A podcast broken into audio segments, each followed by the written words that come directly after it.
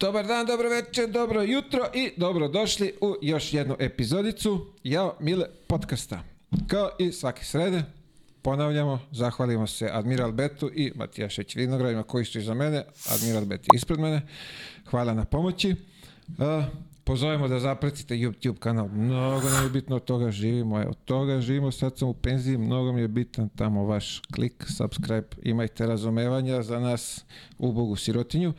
I imate naravno na društvenim mrežama od YouTube, od ovog kako se zove Instagrama, Twittera, Facebooka, TikToka ima nas i tamo. Tako da možete pratiti ovu kratku formu, a za ove duge forme na YouTubeu naravno ima i tamo isto ovaj kratka forma. Tako da dobro došli ste na sve naše platforme. Imam izuzetnu čast i zadovoljstvo da predstavim Europskog. evropskog prvaka, šampiona iz 2017. godine, Saša Zagorac sa nama. Saša, dobro nam došao u ovaj naš mali skromni studija. Hvala Mile, bolje te našao. Hvala puno na pozivu. Velika mi je čast da budem gost kod tebe i odmah da napomenem da radiš stvarno izuzetan posao i da te slušam, pratim, gledam i sve tako. Još jedan ovaj verni eh, pratitelji Slovenije. Može tako, kako, kako se kaže na slovenačkom, to fan, kako vi to kažete? Jel ima to? Nećeš moći ponoviti, ali spremljavalec. Spremljavalec, spremljavalec moj iz Slovenije, danas je gost, ljudi, nadam se da ćete uživati u našem malom izlaganju. Saša, tu si u Beogradu si, ajde kažemo kojim povodom, kako to, je to biznis ili pleže, što bi rekli amerikanci? Pa, ajmo reći da je više, više biznis, ali ovo da sam tvoj gost to je pleasure, tako da um, to je to. Obećao sam ti da ću doći i evo me. Prvo, u prvo nije išlo, evo sad sam, sad neke čekam i po godinu dana. Znaš, mora sve da se namesti. Tako da, sve je super, Opet kažem, izuzetno veliko hvala što si odvojio vreme za, za, za mene i moju pričicu, tako da još jednom veliko hvala na izvojnom vremenu, vreme je zlatno, tako da treba poštovati tuđe vreme. Uh, kako idu penzionerski dani? Ti si sad e, relativno skoro, ali tako? Pa... 20. 21. Kad si? 20. Sa koronom sam ja to završio. A, znači mi smo generacija. To. I Mislim ovako, i ovako smo generacija i, onako, da. Da, da, da. pa ništa, to je bila ta sezona, um, igrao sam tu u Cedevici u Olimpiji, to jest sedeo. I kad nas je zadesilo sve ovo, imao sam vremena od eh, marta mjeseca da, da, da razmišljam o tome kako i šta dalje, ali nekako sam osjećao da je to to, da prilazim kraju. Imao sam još neke mogućnosti da igram tu po Sloveniji i tako dalje, ali jedno, jednostavno nekako sam odlučio da je to to i da krenem svojim putom. Putem manje više sam već znao čime bi se volio baviti, tako da nije bila neka teška odluka. Vjerujem da sve ovo što čujem kod tvojih gostiju ništa me ne iznenađuje, pošto znam da zna biti teško, ali ja sam se nekako brzo našao u tom novom poslu i hvala Bogu nisam, nisam imao vremena razmišljati previše. Pa, pazi, obično ja pitam ovo za kraje, kad si počeo da razmišljaš ovaj, o kraju karijere, ali pošto si sad već otvorio temu, ostaje, sad ćemo odmah da nastavimo. Kad si počeo razmišljaš zapravo o, o, kraju karijere? Kad, kad ti je to počeo da, da se vrzma po glavi? Da, pa razmišljao sam intenzivno u zadnjih 5-6 godina. Stvarno intenzivno, jednostavno nekako znao sam da to jest i društvo moje malo starije, tako da sam kroz njihove priče znao šta me čeka, ali naravno dok si mlad ti o tome ne razmišljaš previše, ali kad jednom shvatiš da, da se to bliži tome danu, onda već moraš malo ozbiljnije o tome razmišljati što sam bio stariji, kad sam dobio prvu i drugu čerkicu, onda već počneš razmišljati kako i šta napreti i tu sam onda svake godine intenzivnije razmišljao i na kraju došao do toga. Pa to je to, o, bar iz mog iskustva i mojih prijatelja, kad se formira porodica, to je totalno druga priča i e, ne možeš više da kao je sam sam pa ajmo na kraj sveta bit će lako. Ne, neko imaš i porodicu, možeš brinuti o njima, možeš da, da li oni mogu s tobom, da li je adekvatno tamo za njih, tako da apsolutno te razumijem i to je taj moment gdje se mnogi ovaj, okreću, što bi se reklo. Pa jeste, da. Ja mislim da sve, bar kod mene, jako puno stvari je povezano baš tim kad sam dobio prvo dijete, pošto počneš nekako prisiljen si izrelije razmišljati, ne razmišljaš više samo o sebi. Mislim, ono prije dok sam igrao, dok nisam imao familije, svejedno ti je da li je Rusija, Iran, Španija, ti ideš i to i to. Sad je malo to drugčije, gledaš malo kako je sa djecom u školi, kad su raspusti, kad mogu da te obiđu i tako dalje i onda naravno odgovorniji si sam tim. Apsolutno, apsolutno. Tako sam i ja odlučio ovaj, da se penzionišem, pošto nije više imalo smisla da ovaj, vučem ženu i djecu sa sobom po tamo nekim, ajde kažem, toplim krajevima, ali opet nema smisla da dece, dete ispašta ovaj, zbog, zbog škole, zbog svega. Rekli smo dosta i okrenuli novi list. Naravno. Kog si, ovaj, kog zapravo, ajde kažem, imao tog praznog prostora posle, posle završetka karijera? Um, ehm, ovako, odlučio sam, znači, kraj sezone nam je svima bio to u martu, jel? Kad se zadesla ta korona, taj virus ja sam nekako već u aprilu to prelomio sam kod sebe, ali nikom nisam rekao, ni ženi. Tako da sve su to počeli neke, neka pitanja kako, šta ćemo dalje, gdje ćeš i to. A ja sam kod sebe nekako znao. Tako da u, u juna, jula kraj juna sam ono odlučio da svima kažem, rekao sam prvo ženi, familiji, bratu i tako. I to je to. Znao sam da, da moram to napraviti brzinski jer da ne bi bilo nekih ubeđivanja i tako dalje, mada se ne bi pustio ubediti u nešto drugo, ali ipak nije ti jedno, znaš, da čuješ sva ta mišljenja, hoćeš da im daš do znanja da si ti tako odlučio i da, nema da, više povratka, tako da um, kad sam to rekao, malo je bio šok, s druge strane ipak imao sam 3-6 godina, što je bilo nekako očekivano, ali dosta igrača, bar kod nas u Sloveniji, ne znam kako je kod vas igra i preko tih godina, tako da nisam htio biti jedan od njih sa svim respektom do tih igrača, ali nekako sam rekao nije košarka sve u životu, mogu raditi nešto drugo. Uh, mislim da imam toliko mozga da mogu i nešto drugo raditi osim košarke i to je bilo to. Jasno, je, vidio sad, kad spominješ tu priču celo, vraćam mi se kroz glavu, ja sam, kad sam završio, ajde, ok, nisam to nešto javno ni objavljeno, možda jesam, ne, ne se, ali meni je stiglo na, kraju, tamo septembar, nekih ponuda nisam ih toliko imao dok sam igrao. Jer svi zovu, e, kao, ajmo, ima vamo ugovor, ima ponuda. Pričite, ja završio. Ja sam iz tog razloga, ja nisam baš neki tip um, za te socijalne mreže previše, ali sam iz tog razloga okačio to na taj Instagram da znaju.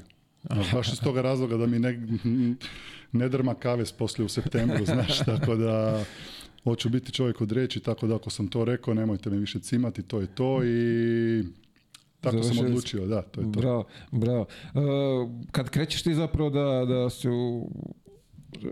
to jeste infiltriraš, jel tako kako se pravilno kaže, infiltriraš ove a, menadžerske vode?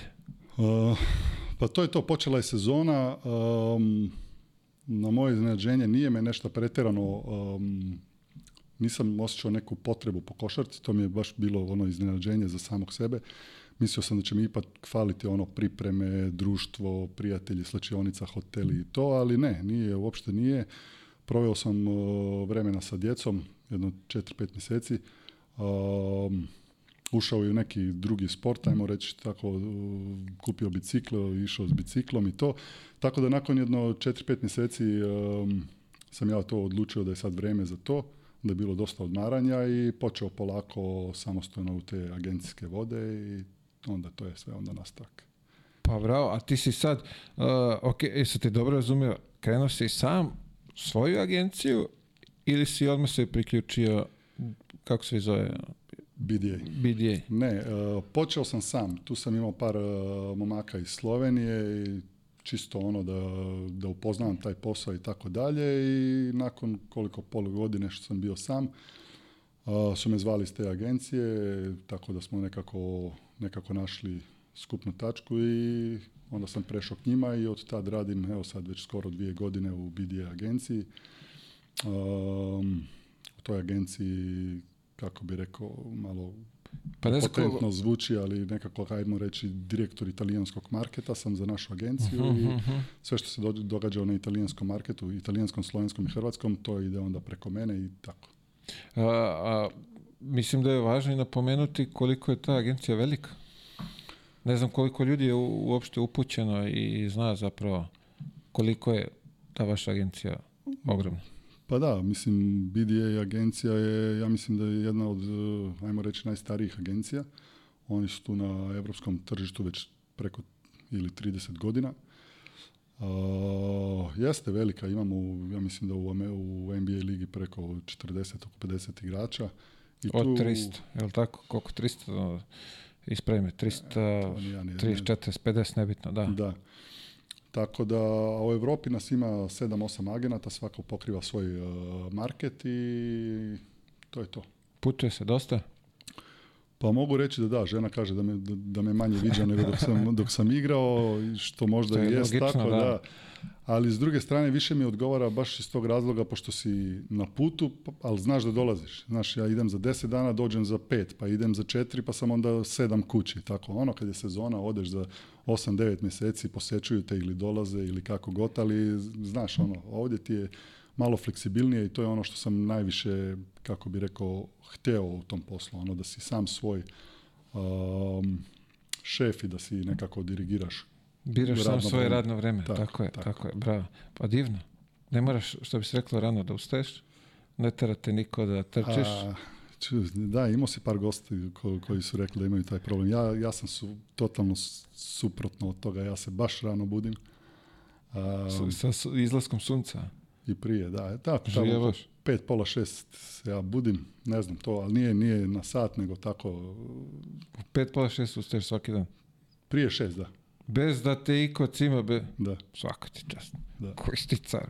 Dobro, ali legnem, legnem dosta ranije, ali da, nekako mi je jutro više znači nego, nego veće, ali ono, normalno gledaš uveče te utakmice, tako da to, to moraš biti naravno i budan i sve, ali nekako mi je ujutro ono najlakše da, da kad se probudim da imam sat vremena za sebe da odradim neke stvari koje inače tokom dana nemaš vremena i onda se polako budu djeca i spremaš ih, odvezeš u školu i polako e, kreće radni dan. Vi sada sad opet motam po glavi, mnogi ovi uspješni biznismeni, kako god ih nazva, oni se isto bude tako 4 pet, pa ima neki trening, pa ima šta već doručak, pa drži ne daj, znači ti si u tom u tom gasu? Pa ne znam baš da sam e, taj biznismen kojeg si napomenuo, naravno svi bi to željeli, ali jednostavno vesel sam da je tako zato jer e, znam kad pričam sa prijateljima, mnogo njih teško se budi, ja stvarno s tim nemam problema i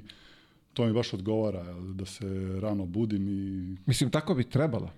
Ne kažem ja da ti radiš nešto pogrešno, tako bi trebalo, ali ovaj, ja nisam takav tip a znam i još mnogi koji nisu, tako da ovaj, svaki ti čast, ono, ništa loše, ali ja bi ipak volio malo duže, aj bar do sedam, sedam je onako okej. To je ono, možda ljeti na moru kad si ili kad imaš neki raspust, onda možda potegneš do sedam, ali to je to, to je to, plafon. I to kao, ja sam se naspavao. Da, da. sam se, po, pa, odvalio sam se od kad si ustao u sedam. Da, i dalje prvi. Carski. Kako funkcioniše zapravo gore, ovaj, aj, sad si rekao Slovenija, Hrvatska, aj, Slovenija me zanima, to je tvoja domovina, zemlja, sa tim mladim talentima, kako, kako stojite, što bi se rekla, ima tu nekih novih Dončića, Dragića? Ne, novih Dončića nema, ali ne samo kod nas, nego... U cijeloj... U, celom, Evropi, bi rekao šalu na stranu. Ima talentovane djece u Sloveniji, u Hrvatskoj i naravno i u Srbiji. Mm, ja mislim da ipak smo mi nekako košarkaške zemlje, da nam je to nekako u genima i tako dalje, tako da talenta će ovdje na ovim prostorima uvijek biti. Druge su možda stvari koje su malo više zabrinjujuće, ali što se tiče talenta, ja mislim da imamo ogromno talentovane djece u svim tim, u cijelom regionu. Pa ja nekako ovaj, rekao bi i verujem da nas ima talentonih, to jest te mlade dece, ali neka, izgube se. Izgube se u tom, ne znam kako je situacija kod vas gore, ali mi ovdje baš se mučimo s tim prelaskom iz juniora u, u Aj Ajde reći ovako, pošto sad radim s tim, ja bih rekao da, recimo dosta puta kad pričam sa slovenskim trenerima, ja uvijek kažem ovako da ja mislim da slovenački treneri, mladi treneri sa, sa djecom stvarno dobro rade. Ja stvarno to mislim da stvarno dobro rade. Ja imam drugi problem koji hoću naglasiti ili opozoriti tu ljude, to je to da je taj prelazak u, iz juniora u seniore, da je to najveći problem. To je meni nekako ono, znaš, da ti u jednom prosječnom slovenskom klubu ne možeš dati mladom igraču šansu. To mene nekako boli, to se vuče još iz našeg detinstva, iz naših tih um, godina dok smo igrali, bar kod nas u Sloveniji bilo tako. Uh, slovenska reprezentacija, evo moje godište 84. Mi smo bili evropski prvaci do 20 godina i srebrni u 18, znaš, ali od nas 12, troje smo igrali neku ozbiljnu košarku, znaš, tamo recimo Španci i svih 12 igralo na vrhunskim nivoju, znaš. I to je ono što ja mislim da je najveća prepreka da, da, da ti juniori ne dobivaju šanse u, u seniorskoj košarci dosta, ajmo reći brzo. Uh, ajde ovako, ok, ABA liga ABA liga. Uh, slovenačka liga. Kako ti vidiš tu ligu, pošto onako malo nešto što sam pratio, ovaj, ja ne mogu, ja ne, dužno poštovanje svima nisam vidio tu neki ekstra talent. Pa to je to. E, moraš znati da u slovenske dece stvarno puno ima i napolju. Koliko smo mali ima ih znaš, ima dosta igrača po, u Španiji, Njemačkoj, i u Italiji i tako dalje. A, tako da mi u na nivou reprezentacije uvijek nekako dobro kotiramo, ali to je što sam prije rekao, u toj prvoj ligi nema tih mladih igrača koji bi stvarno igrali puno ili imali neke zapažene uloge ali Liga ko Liga ja nije to na nivou recimo ne znam Njemačke, Poljske i tako dalje, pa čak ni Mađarske sada, ali i dalje nije to toliko loša liga. Tako ja to nekako gledam, ali teško se je probijati kroz tu ligu. Ali ok, e, evo sad ovako. E, ta liga donosi ti u stvari ne donosi, ili kod vas ista liga slovenačka ne donosi ti nikakve ulazak u ABA ligu, ne, ti moraš kroz ABA 2 ligu, je li tako? Da. Znači, ti tu rezultatski, znači samo treba da ne, ne ispadneš iz lige. Faktički. Pa da, ne smiješ ispasti iz lige, a s druge strane, u drugoj ligi niko neće da uđe u prvu. Što, što je, znaš, ono... Oni se bore da ne uđe u ligu. Da dosta timova ono dobili su mislim usvojili ligu, ali na kraju odluče ne, nama je mjesto u drugoj ligi, bolje nam je ovdje nego da idemo Manji gore. Veći troškovi. veći troškovi su tamo, MC kanta za nabijanje, tako da nama je ovdje ok za neku zajednicu i tako. Ok, evo sad ovako, prva liga. Znači, samo je bitno da ne ispadneš i dobro, sad si rekao još to od, neće gore. Da. Zašto ne pustiš tu mladu decu da igre? E, pa to je, to je to što što ja hoću da naglasim da je to da vjerovatno... Ok, ja vjerujem, vidi, znam da nisu neki ni spremni, ne, nisu ni fizički, ni mentalno za to. Ali ja, on drugačije ne može da se ovaj da napreduje bilo šta ako mu ti ne daješ šansu da on osjeti starijeg igrača, da, da uđe u duel sa njim, da da, slažem se, slažem se. Ja, ja znam da recimo teško dati uh, u jednoj ekipi, u prvoj ligaškoj ekipi dati šestorici djece šansu. To je meni sasvim jasno. Ali da budu bar dvojca, trojca, znaš, ne treba igrati 40 minuta, nego da su tu, da se ih razvija, da recimo, ne znam, ove godine igra jedan igrač, drugi dobija malo šanse, treći je tu u treningu, pa onda tako dalje, dodaješ igrače i onda za neko vrijeme bi imao već neku ekipu. Ako bi odlazili, to je opet znači da nešto i klub valjda zaradi i tako dalje. Ali da, tu su ti stranci koji su po meni dosta recimo jeftini, naročito za takve, eh, za takve lige kao što je Slovenska. I onda to je to što je pitanje. Ne znam zašto je to klubovima interesantno, jer ja vjerujem da jednom klubu u Sloveniji koji, koji nema imperativ pobjede ni ništa, da Zar nije ljepše da igra mladi igrač, vjerojatno će biti i više ljudi na, na utakmicama i tako dalje, ali eto, to je to pitanje koje, koje si ja postavljam. Zašto? Pa vidi, to nas muči sve ovdje u regionu, nije, nije samo i kod vas gore i mi imamo tih problema, tako da opet mi se ovdje delimo na ABA ligu i na našu KLS ligu, tako da ovi su kvalitetni gore, manje kvalitetni su dole, gdje su ti talenti, gdje dobijaju neku minutažu. Da. Tako da, aj kažemo, ceo, cela, ovaj, ceo region ima isti problem. Da, pa isti problem je, ako kažeš da ti da je kod vas tako, nisam toliko upućen, ali definitivno Hrvatska i Slovenija imaju taj problem i ne znam, ne znam, to treba, treba rješavati jer za bolje bit košarke u, tom, u toj državi i reprezentacije i svega tako. Jasno. E, Aba Liga? Moje mišljenje, jel? Pa, jako kvalitetna liga, kako bi rekao, malo različita od ostalih, specifična, teška, tvrda. Meni se jako sviđa, naročito recimo za, za slovenačke klubove, da, da imaju još tako neke utakmice, recimo neka Krka da može igrati u ABA ligi, ko što će igrati sljedeće godine i tako dalje, neki Helios ako bi, ko bi prošao, stalno je tu nekako blizu i tako njima bi isto bilo dobro da, to, da se tu oprobaju, ali ja mislim da je to jedna jako, jako kvalitetna liga. Ja sad gledaš, uh, kad kažeš to, gledao sam, kako se to zvala, Baraž, je tako? Helios i Borac. Da. Znači, to je bilo ogromne razlike. Da, ali Pri tome, Borac se bori da ne ispadne lige, iz lige, a vi se bore da uđu. Da, ali svake godine je isto. Kad je bilo prošle ili pretprošle igrao Split sa Sparsima. Tako bilo isto Split nije bio nešto najbolji, ali na kraju ono drugu ili odlučuju treću utakmicu, to je bilo 30-40 razlike. Znači, velika je razlika, velika između, razlika između prve i druge ABA lige, jeste. jeste. Tako da, opet, dobro je, imaju neko iskustvo, videli su, igrali su protiv ovih, jer kažemo, kvalitetnih igrača, ali razlika je, razlika je izuzetno... Lakše, lakše ćeš doći u prvu ABA ligu kroz, kroz takmičenje u drugoj ligi da si prvi nego da u baražu, u, utakmici onu za da li opstanak ili za napredovanje kako god da, da, da. ko zove. tamo mislim da jako, jako malo šansi imaju te ekipe iz druge lige da, da uđu preko ABA ligaša.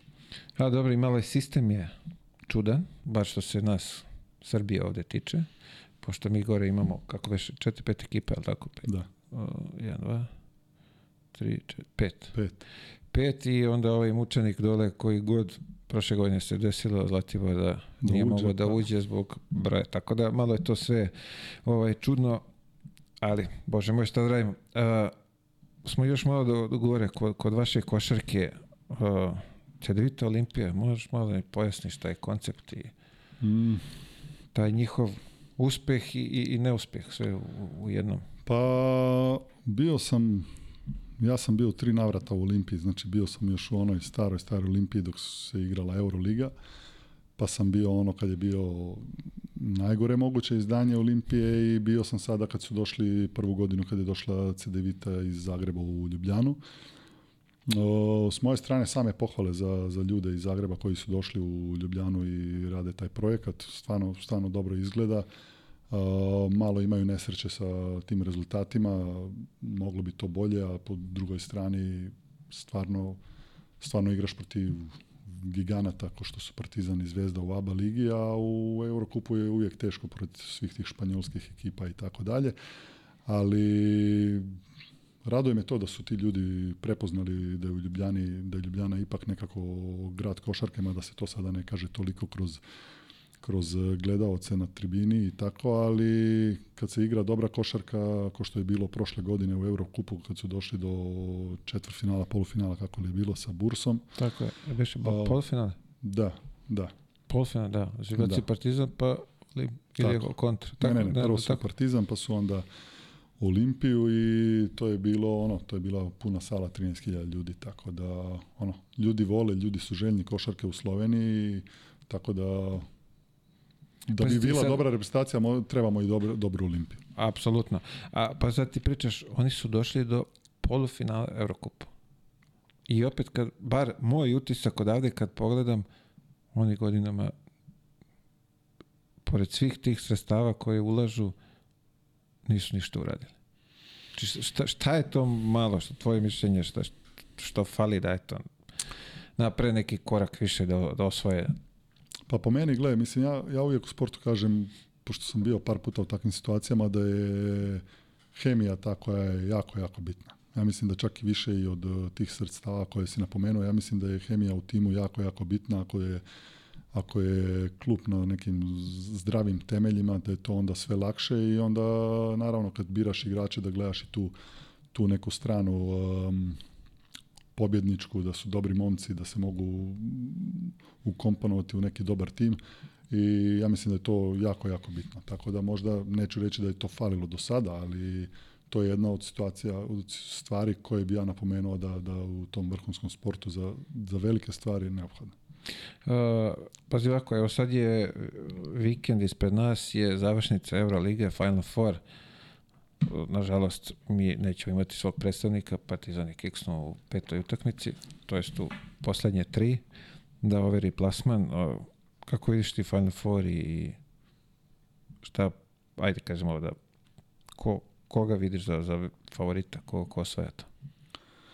E, da, prvo da kažem da mi je stvarno žao e, Partizana da nije, iskoristio tu veliku šansu koju su imali. Ali, tri meč lopte. Tri meč lopte i tako dalje, ali jednostavno to je sport, znaš, to je bio si u tome, znaš da, da su tu i živci i tako dalje, tako da to mi se ukrenulo i baš mi ih je žao. A s druge strane i taj Real Madrid pokazuje neku neku sigurnost, iako nije djelovalo u prvim dvije utakmice, ali onda na kraju i dalje e, su ti španci, to, to je taj pobjednički mentalitet gdje kako god okreneš, oni su našli put do, to, do toga Final Fora.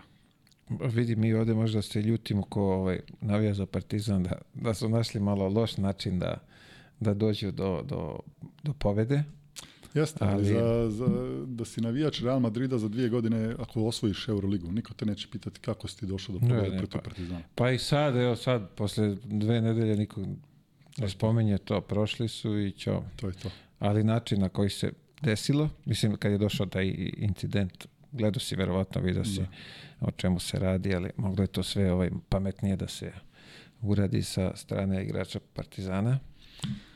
Živci su proradili, nisu Slažem. da iskuliraju.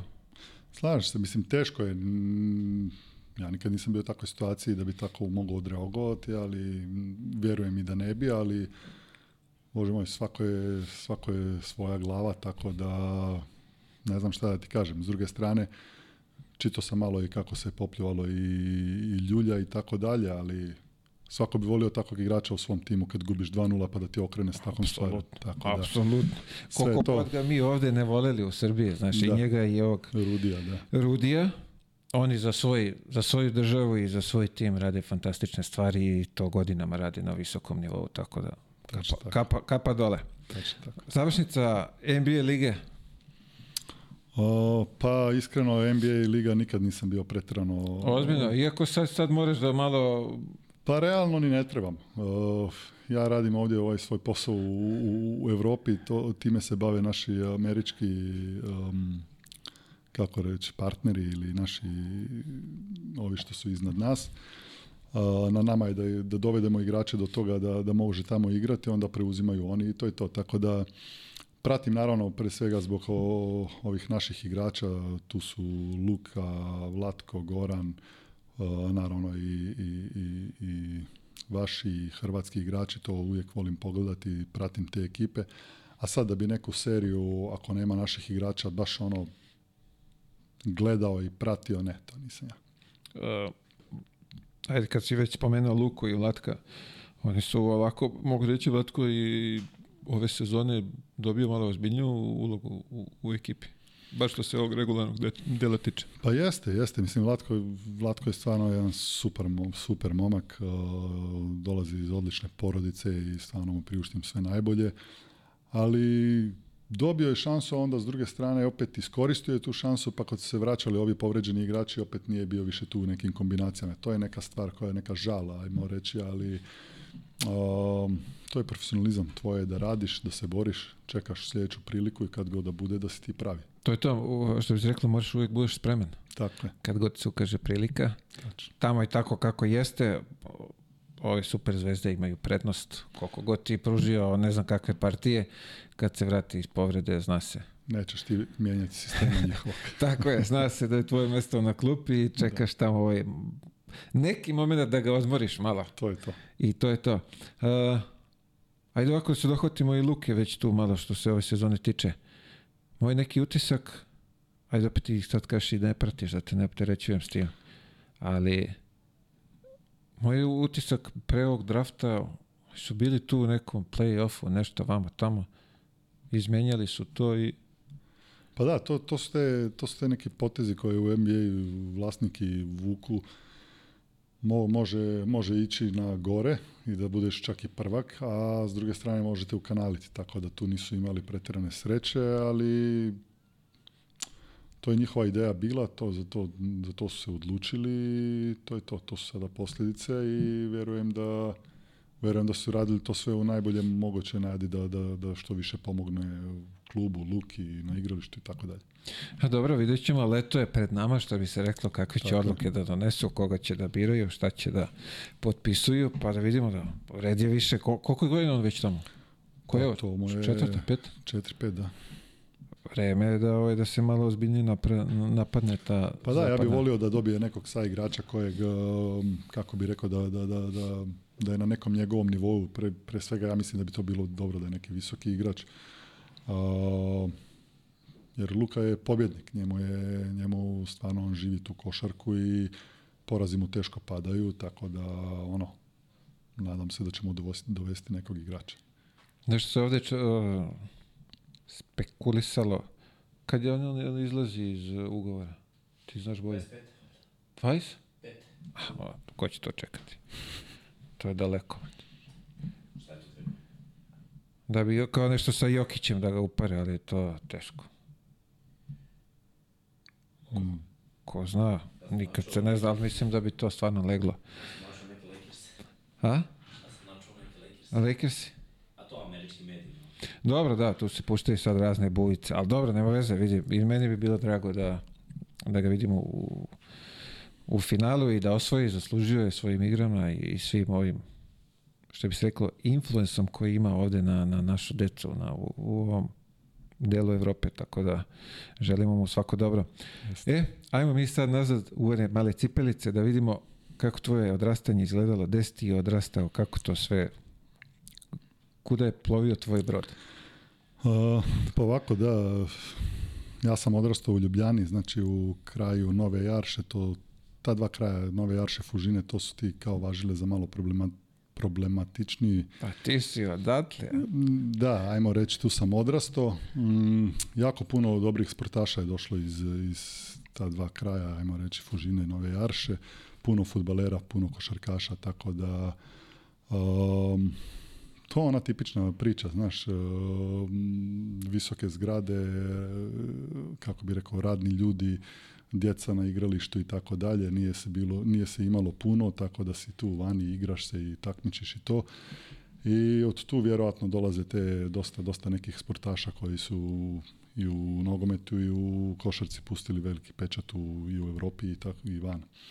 Tako da tu sam odrastao, stariji brat isto igrao košarku, igrao na visokom nivou često puta kažem možda se mene malo više zna, ali zbog tog europskog prvenstva, ali garant, mijenjao bi svoju karijeru za njegovu, Tako da, I po, po klubovima i financijski i sve, tako da eto mene je zakačilo to da sam bio Evropski prvak pa se me možda više ljudi sjeti i tako dalje, ali ali i on je igrao na svjetskom prvenstvu 2006. godine u Japanu, pa je igrao te kvalifikacijski turnir u Grčkoj 2007. 2008. kada 2007.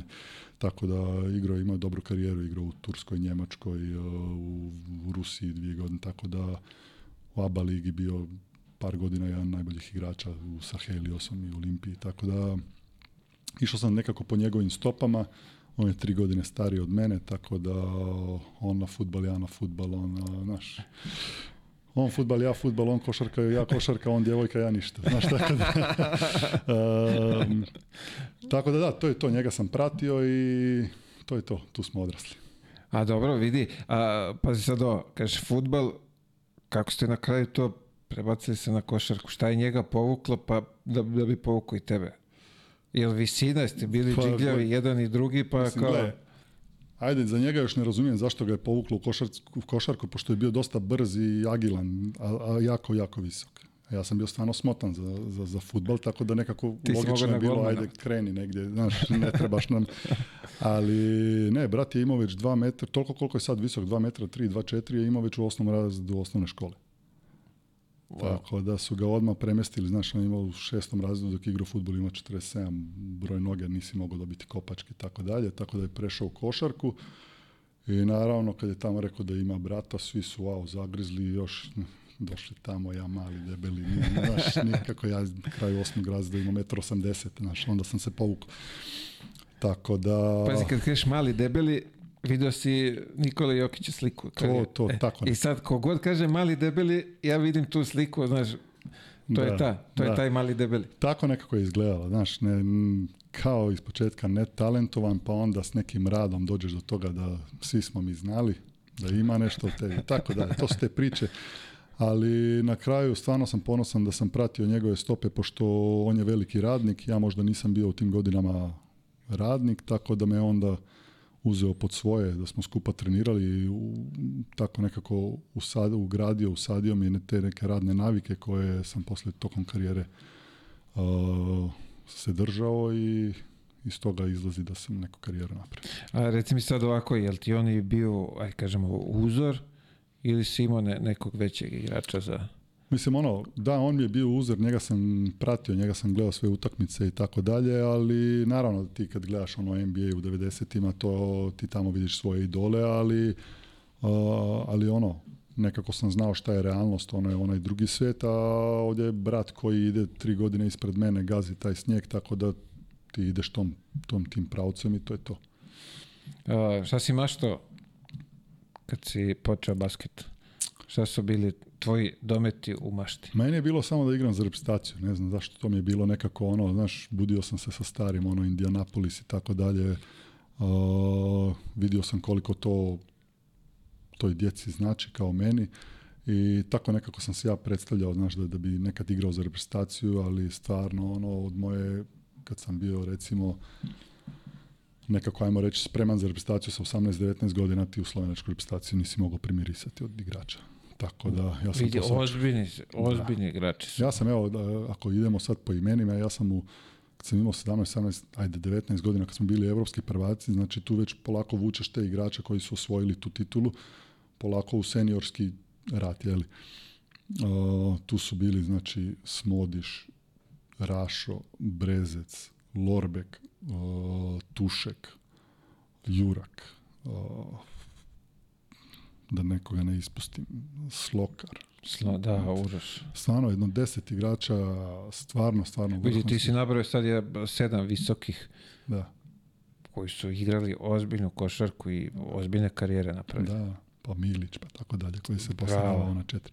Tako da stvarno nije bilo, bilo šanse da ti uđeš nego Jednom sam bio za da li 2002. bio sam nek nekom širom spisku, znači bio sam 18 godina, to mi je bilo ono kao, wow. ali nikad blizu ni priprema. Ali ono, onda debitovao sam sa koliko? 30, 31. Me Da. Sa 31? Da. Wow. To je 16. ali tako godinu pre evropskog dole u, u Turskoj? 2015. E, sam igrao već na evropskom prvenstvu. 2015. sam igrao europsko prvenstvo. Znači, 15. Da. Ali prvo da sam došao u taj tim za, za europsko prvenstvo što je bilo ovdje u Zagrebu pa u, u Francuskoj. Mm -hmm. prvo sam morao ići sa B reprezentacijom za koliko mjesec dana u kinu. Znaš, tako da ja dvoje male djece, ne znam, godinu, dvije stare i idem sa tom mladom reprezentacijom u kinu na neke turneje, drugi najmlađi, ne znam, 8-9 godina mlađi od mene drugi najstariji. Ali eto, to je neki taj rizik koji sam, koji sam uložio u sebe ili investicija, kako bi rekao, da sam onda bio to isto ljeto na Evropskom prvenstvu kod Jure Zdovca u, ekipi za, za Hrvatsku i, i Francusku. Pa vidiš, svaka čast. Ali sad kad si rekao to, ja mislim i kod nas je, imate, kako se, kako se zovu te selekcije koje idu, ovaj, su te ne, ono, predsoblje od, od prve ekipe tamo ideš, pa onda ako dobro se pokažeš, povuku te i ovamo u, u To je neka mlada, omladinska. Kako odmah se, se kaže B, B reprezentacija, to je obično tako da uh, pomoćni trener um, selektora vodi tu reprezentaciju, uh, da je nekako kako bi rekao da upoznate igrače sa, sa njegovim sistemom od selektora i tako dalje, tako da to smo bili tamo, kažem ti jedno tri tjedna, igranja utakmica s, razno raznim ekipama. I onda taj pomoćni selektor, ali to selektor sve javlja, on gleda te utakmice i dosta igrača u Sloveniji je odbijalo te pozive, kao ne treba meni to. Ja sam nekako tad rekao, iako sam imao baš sezonu, ono cijelu godinu sam u tom Laškom igrao po 40 minuta izmoren, došao posle godinu dana pauze, tako da sam bio stvarno izmeran, ali da dobio sam poziv reprezentacije, to je ono što sam sanjao, o tome smo pričali, tako da idem, prebijanje kroz B i tako dalje i eto na kraju postaneš evropski prvak. Te vidiš, nema odustajanja, nema biranja, imali smo ovdje problem jedan, to je prošle godine, baš je Nena Krstić pričao kako su, kako klinci odbijaju učešće na, za te mlađe kategorije, tipa 15, 16, 18 godina. Ne znam kakva je situacija kod vas, ja se vi susrećete s tim? Da, da, imamo i mi to Gle, ja sam sad u tim vodama gdje sam ja kao agenat tim igračima, um, ali ja uvijek kažem, mislim, ako me pitaš za savjet, ja ću ti reći uvijek igraj za reprezentaciju. Ali donesi odluku sam. Sad ako ti odlučiš da, da nećeš igrati, ja ću te tu podržati, ali ako me pitaš za savjet, ja ću ti reći idi. Zato jer jednom kad, kad završiš karijeru, ja sada najviše sjećam, najveće uspomena nosim iz reprezentacije naš iz, iz omladinskih, juniorskih, kadetskih, gdje sve nismo bili i tako dalje. Tako da to je nešto ono, neka ona suština koja, koja posle karijere ti ostaje. Pa vidi, evo sad i ovde okupimo se ovako i pričamo o nekim anegdotama koje su se desile. I to je ono što nas uvijek podsjeća na te momente gdje smo bili, što kažeš, šta smo radili. To su te neke stvari koje, koje ostaju i koje, koje pamtimo ceo život. Tako da nemojte decu izbjegavati idite, zabavite se, trenirajte naravno, igrajte, ali zabavite se, da bit će vam lepo i posle 20 godina, 30, 50, pričat ćete o tome. E, kako je izgledao tvoj prvi trening? Uh, moj prvi trening, došao sam na Olimpiju sa, koliko sam imao 13 godina. to je bilo na nekoj osnovnoj školi. Došao sam tamo, nisam imao pojma šta se dešava.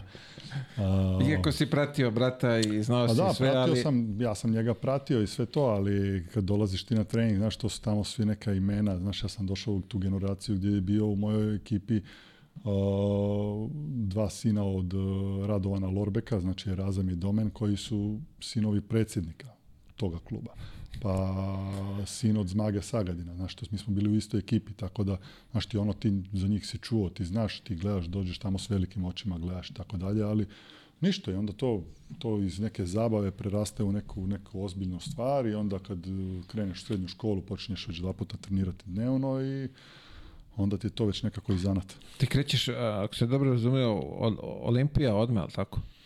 Da, bio sam nešto tu na ovome Slovanu, sjećaš ga se, još bio u ABA ligi taj e, Slovan. Kako je, ne? zato jer sam taj, baš taj dio Ljubljane gdje, sam ja odrastao, to spada pod uh, okružje Slovanove škole. Okay, Tako dakle, da prvo sam išao na par treninga tamo, ali onda su brzo ovi iz Olimpije, kad su vidjeli brata, povukli i mene i to je to. Tako da sam onda, ajmo reći, prvo išao u Olimpiju, da. Kako izgledaju te mlađe selekcije? Tada, spomenuo si eh, Lorbeck, oba su bilo sa tobom, je li tako? Da. je, oni su naša generacija, je li tako? 8-4, 8-5. E, razum je, da. da. E, razum je 8-4, tako je. A Dome mlađi je 8-5. Zagadina ne znam, čuo sam priče ovde skoro ovaj, za njega, da. ali, ali ne znam čovjeka, ne, ne znam. On je 83. da. Treći. Je li igrao basket? Nikad, o, nikad nešto ozbiljnije igrao tu, ali ono, on je posvetio studiju, tako da je bio u Ameriki, aha, u Engleskoj, tako, tako da ono, okay. dobar momak radi posao, zna šta radi, ono, vidio se u drugom Pošto kaže kažeš da pratiš sve, verovatno si vidio Milutin Aleksić kad je pričao da, da, mu, je, da mu je vraćao lopte, da ga je razigrava, tako da tad sam prvi put čuo ovaj izaz. Za dečka ovaj, ništa loše, naravno, nego anegdota smešna, tako da, da. morali smo ovaj, nasmijeli smo se naravno, ali da. ovaj, zanimljiva priča. E, kako ti sad kroz te mlađe selekcije, kad imaš tu konkurenciju, ok, oni su napravili, Razem je napravio vrhunsku karijeru. Uh, ti sad tu treba se izboriš s njim, jel ima tu sad ovaj, i to kao je, on je tatin sin predsjednika kluba? Pa ne, nije, mislim kako bi rekao, nije bilo toliko toga da bi on možda zbog toga više igrao ili ne. Bar ja nisam imao takav utisak, ali sigurno je bilo da se mu je možda malo više dozvoljavalo, recimo, ne znam, ti kad imaš 15-16 godina, znaš, moraš i od prvog dana priprema trenirati tamo, možda je on mogao preskočiti prvi tjedan ili nešto tako, ali mhm, ništa mhm. to, kako bi rekao da da je nama teško padalo. Stvarno smo imali tu generaciju u Sloveniji 80 i 84-a, ja mislim da su dvije generacije koje su najjače bile u istoriji Slovenije, zatim juniorske. Sem tebe i razima, koji je još bio u toj? U našoj reprezentaciji. Da, 8-4. 8-4 ti je Jure Močnik, jedan najboljih asistenta ABA lige, Saša Vujačić. Pravo, Saša, da. Hasan Rizvić, Domen Lorbek, ja, Erazem Lorbek, bio je tu jedan Danilo Šmigić koji je onda otišao u Real, nije dugo igrao, ali dobar bio play. Tako da imali smo baš dobru, dobru generaciju. Pazi sad ta imena koja si nabrojao. Da. Lepe karijere. A ostali, ostalih 8, 9, koliko sam ih rekao, nisu, nisu recimo ništa napravili. A onda igraš sa tim Španjolcima recimo, ili s Francuzima i dosta ladno smo ih dobijali, a onda kad sam došao u Španiju vidim svih njih 12 igra. e, a taj pa sad pričaš o tome. Ovde kod nas, ove mlađe selekcije, i ovo sad odu tamo na Evropsku, ošure ih sve. Da. Vrate se šampioni osvojili zlato, što ti kažeš, posle pet godina ovdje niko ne igra košarku, ovi dalje, svi profi, to je baš velike ne karijere prave. Znači negde ne, grešimo, ne, ne, Nešto sistemno ne, ne, ne, neka, ne znam, ne, ne, ne, velike greške pravimo kad pogledaš, mi se ložimo te u mlađim kategorijama kao pobedimo osvojimo zlato, posle dve godine niko... Ali dobro, opet srpska reprezentacija je u seniorskom uvijek u vrhu. Znaš, tako da ti igrači... Okay, ali to je 12 12 igrača. Yes. A koliko tih selekcija imaš svake godine? Koliko igrača posle dve godine gubi se? Jeste, jeste, mislim svaka generacija. Neka greška postoji, ali ja sam siguran u to, ali možda liga, možda možda savezi ne zaštite toliko te igrače ili ne znam kako, ne znam ali probavali su, dosta drugih zemalja je to probavali. Ja kad sam igrao u Poljskoj, tamo si imao pravilo da moraju biti dva Poljaka stalno na igralištu. Pa si u Mađarskoj mora biti igrač ispod koliko, 20 godina stalno na igralištu. Znaš, to oni probavaju da, da te svoje igrače, znaš, da ih da ih ne u Jasno, da. Ali onda opet dolaziš do drugih problema, znaš, e, onda ti taj isti ja mislim imaš tri igrače ispod 20 godina koji su plaćeniji nego najbolji stranci, zato jer ih nema toliko, znaš, tako da to je neki začaran krug koji ne znam, to je za malo veće glave od nas dvoje. Vidi, ok, možda pametnije, ali da veće glave, ne bi se složio s tobom.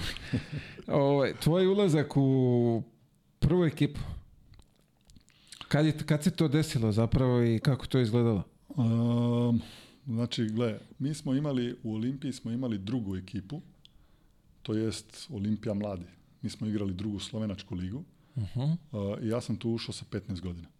Tako da to je bila baš dobra liga za nas, mi smo dobijali tamo batine po toj, po toj drugoj ligi. Znaš, to igraš protiv iskusnih igrača, ne znam, Mario Primorac koji je osvojio, ne znam, sa Bosnom i tako da, mislim, to su stvarno igrači prekaljeni, ti dolaziš tamo i igraš protiv njih sa 15-16 godina, znaš, tako da tri godine sam igrao tu drugu ligu za Olimpija mlade i onda su me godinu dana dali još na pozajmicu eh, u prvu ligu i onda sam došao u prvi tim Olimpije. Tako da tu sam se zadržao dvije godine, tad se igrala Euroliga. Eh, to je početkom 2000-ih, tako? Dve druga, dve treća, dve treća, dve četvrte.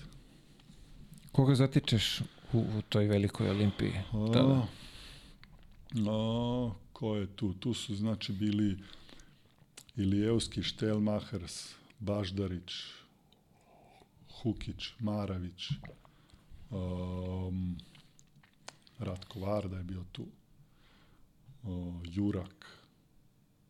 Dobri, dobri, dobri igrači. Euroliga se igra tada. Dobiješ ti neke minutaže? Pavić, pa nešto, nešto sam dobijao, ali to ono, sve nekako na kapaljke. Mislio sam tad da bi trebao igrati više, sad kad gledam malo za nazad nije bilo realno. Ali s druge strane, znaš, imao sam neke druge mogućnosti pa me nisu pustili kao ostani tu, djete si Olimpije i tako dalje, naći će se minute i to. Duše do toga nije došlo, ne samo njihovom krivicom, mada tad sam tada tako mislio.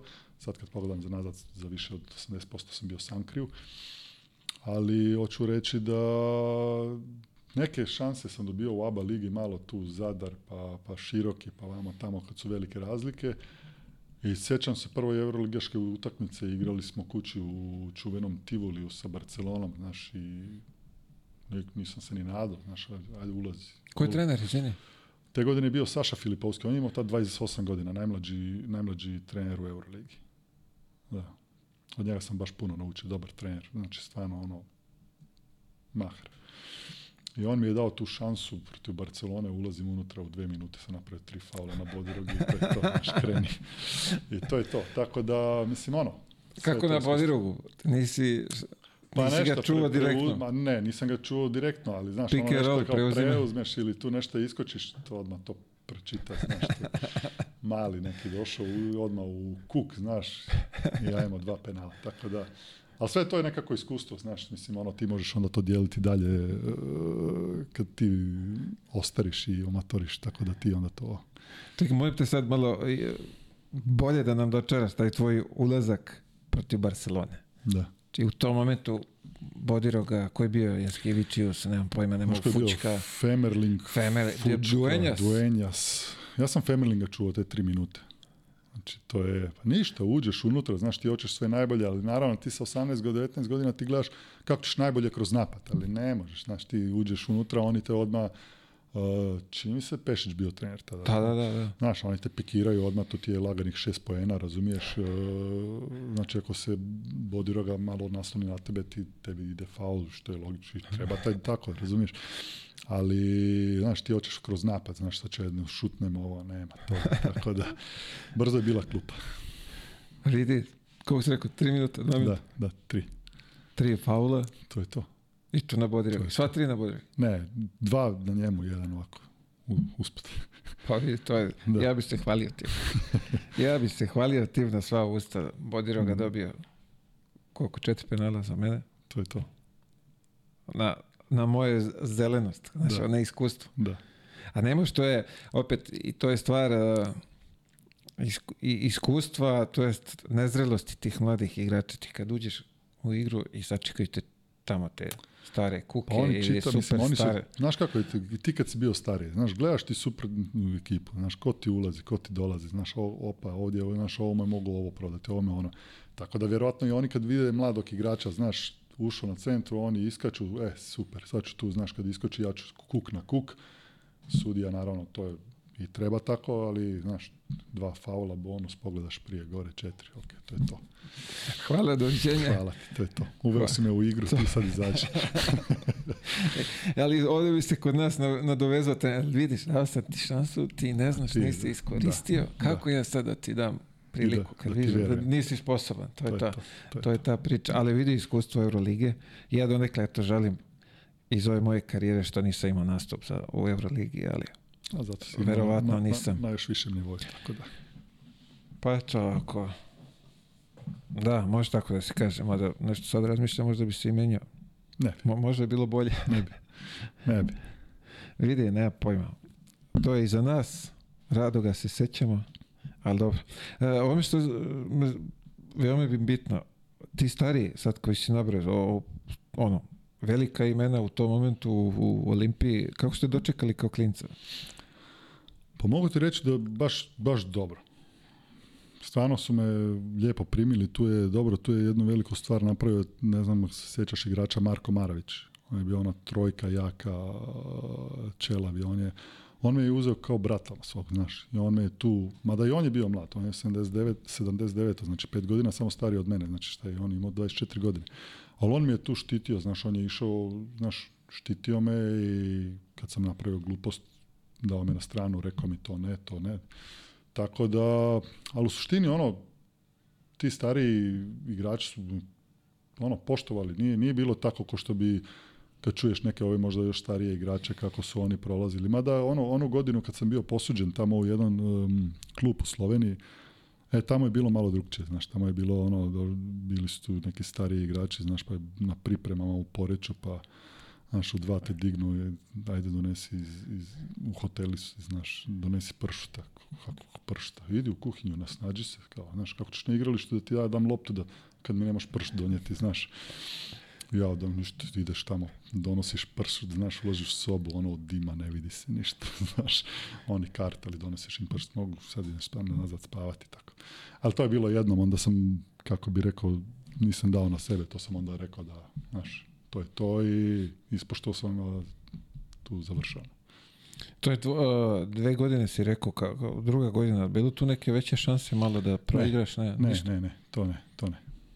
Ne, a bile su to, znaš, mi smo igrali top 16, znaš, mi smo sad te druge sezone... Jasno mi dali, opet bila jaba liga gdje su bili slabiji protivnici, gdje je opet mogla se dati ta neka šansa. Pa ne mogu reći da nisam dobio šanse, ali ta šansa nije realna, zato jer ti igraš e, u tim minutima kad je, kad je ili kraj utakmice ili ulaziš da napraviš faul ili, znaš, tako neke stvari e, sitne, ali da bi te pustio igrati i to, to, to nije, toga nije bilo.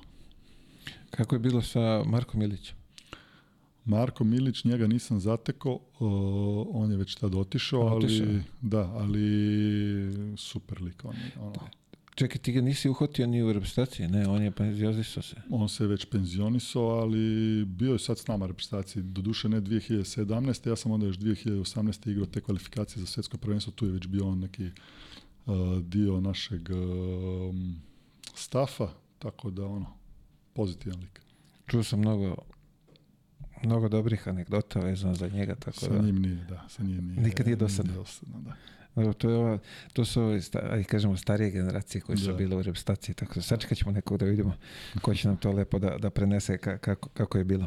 Uh, ovako ti si, može se reći, solidan broj klubova ovaj, promenio kroz karijeru. Jes. Znaš što je ona stvar, prije što smo pričali, um, da li ti ostaje žal za nečim ili kako bi rekao, znaš ono da znaš da tokom karijere da nešto nije bilo u redu, ali na kraju ono što sam rekao za reprezentaciju, na kraju će se toga sjećati. I tako mi je isto sa klubom, Znaš, stalno sam govorio ono, ja, šta ljudi misle o tebe, znaš, svake godine mijenjaš klub i to gore. Sad kad sam završio karijeru, ja bih ih još jednom više zamijenio, da mogu. Znaš koliko to novih ljudi upoznaš, novih zemalja, novih klubova, novih, znaš, sad kad si završio, meni je drago za svaki klub koji sam bio u njemu. Ali ti u tom momentu nisi svestan toga, je li tako? Ne, ti si tada, znaš, meni je više bio problem ono kao, znaš, dosta puta sam i čuo kao za neki klub ja, pa on je mijenja svake godine ekipu, znači najverovatnije nešto naopako ili sa igračem ili nešto tako. Da, da, da. Ali u suštini ne, ja sam, ja sam tip koji voli mijenjati, znaš, mislim ono, ako sam bio u jednom klubu i dobijem malo bolju ponudu sa strane drugog kluba ideš, mislim što. Profesionalizam je. Dok nisam u Sloveniji, meni je sve jedno. Naravno, rađe sam u Španiji nego u Rusiji, ali ako je to tu negdje, zašto ne? E, Španija, ti si, slagajući te ispravi me, koliko godina si proveo tamo? Šest. Šest. Da. Iskustva tvoja, Španije? pa najbolje. Stvarno, meni je Španija i sad često odlazim, idem bar 4-5 puta godišnje, evo baš sa sljedeće sedmice idem. Meni je Španija ono fenomenalna. Obožavam taj ritam, ta, tamo ljude, to, to umirenost, to s druge strane za jebanciju, znaš, dosta su malo, mislim, dosta su slični nama, znaš. Iako je to drugo podneblje i jezik i sve to, ali ono, vole da se zezaju, vole da, da, da uživaju i u dobroj hrani, piću i tako dalje. Tako da tamo sam se baš dobro snašao Um, imao sam tu sreću da tad sam imao jednog agenta koji mi je prvu stvar koji mi je rekao čim sam potpisao prvu godinu. Znači, tvoja obaveza, pusti košarku sada, tvoja obaveza da što prije naučiš španski, da te uzmu za svog. Ja sam stvarno posle četiri mjeseca, da sam pričao španski i onda ja već druge, treće sezone, oni meni nisu tretirali ko, ko, stranca, nego kao naš, ja, naš zauzimo si mjesto stranca. Da, da, da, da, imati da. šest. Tako da to nije bio problem, znaš, ali ono, njima je jako bitno da, da ti prihvatiš njih, ne da, znaš, dosta puta Amerikanci dođu, znaš, pa ono, oni furaju svoj ritam, ali ako dođeš ti sa strane u Španiju, kao europejac, kao slovenac, srbin, kako god, ako se ti s njima, znaš, ako primiš, ako se družiš, oni te uzmu za svoga i to onda se brzo raščuje i to je to. Zna da bude dobra. Da. Dobra zabava. Da.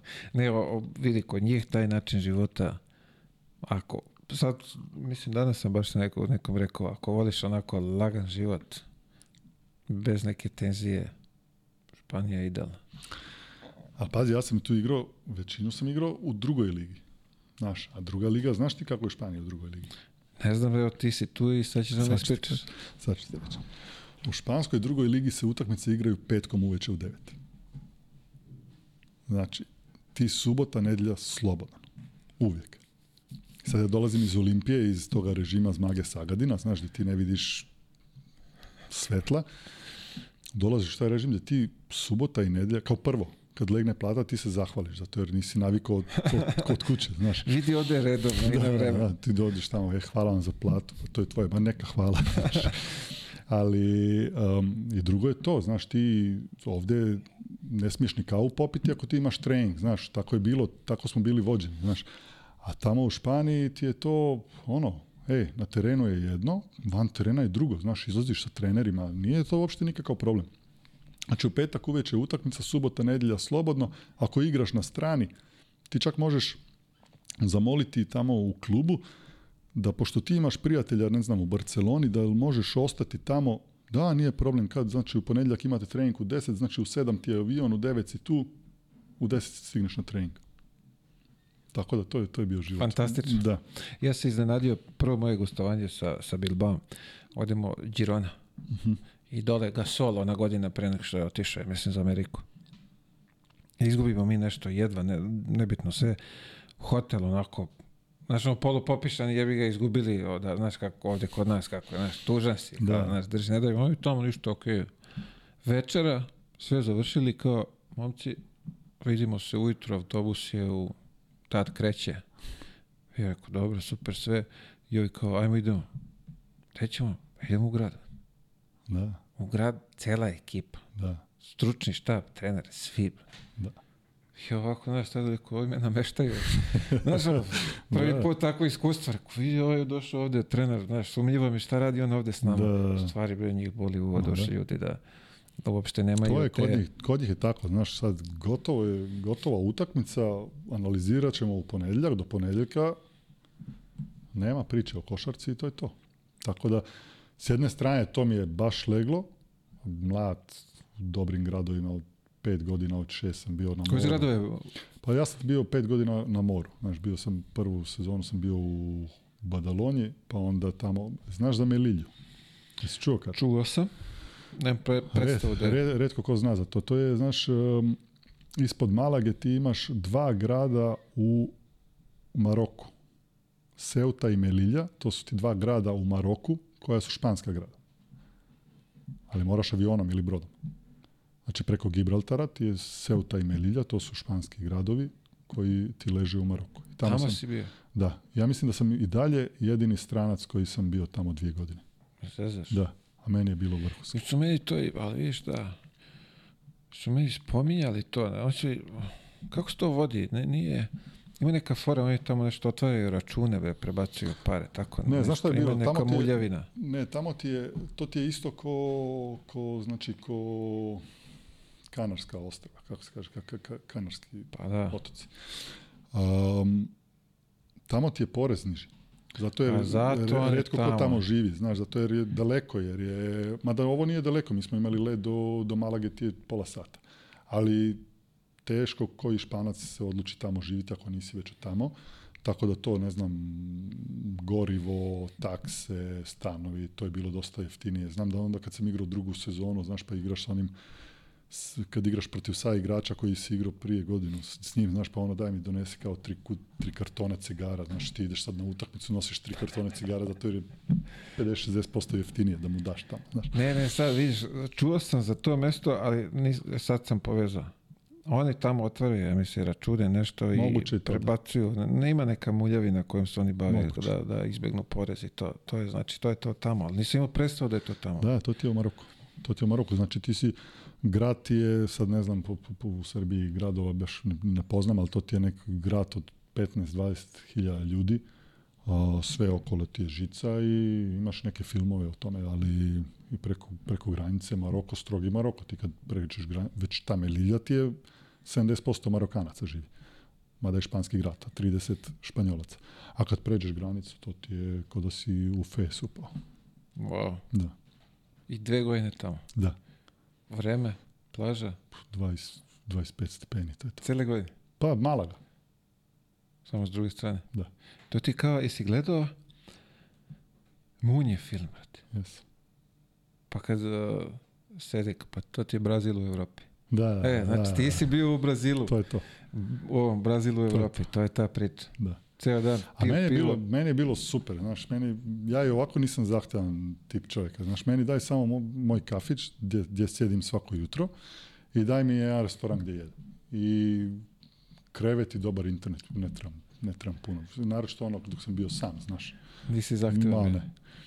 Tako da to je to, a meni, sve mi je ovisno onda od vremena, znaš, drug će igrati na plus 20 nego na minus 20, 5-6 mjeseci. Apsolutno, da. Apsolutno.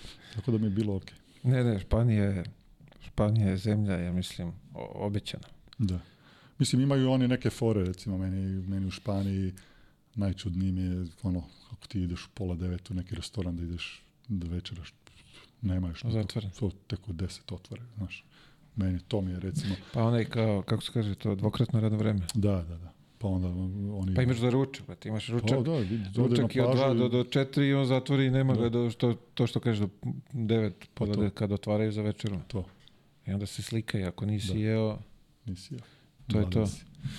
Tako da da, ali meni je, meni je Španija, zna, znači to, znaš, duži dan, kasnije se dani ujutro i tako da meni, meni stvarno odgovara, volim Španiju, šest godina sam bio tamo, stalno na dobrim, u dobrim mjestima, neka anegdota s terena? Uf, pa, vjerojatno ima koliko hoćeš, ali šta ja znam šta bi... Pa ne znam, sad da ti baš kažem. Ne, ako, se, ako, izgleda, ako, ako, izleti, izleti, ako izleti ja, nešto. Ja, ja, Jesi imao nekog svojih prostora tamo sa sobom? Nikada.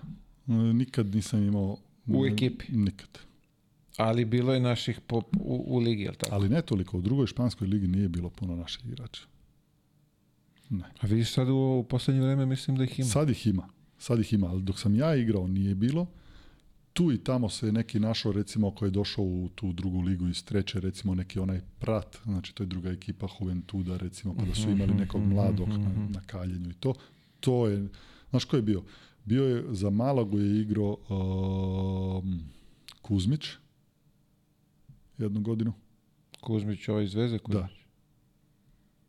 Klinika s Rinkom, tako se zvao, ekipa.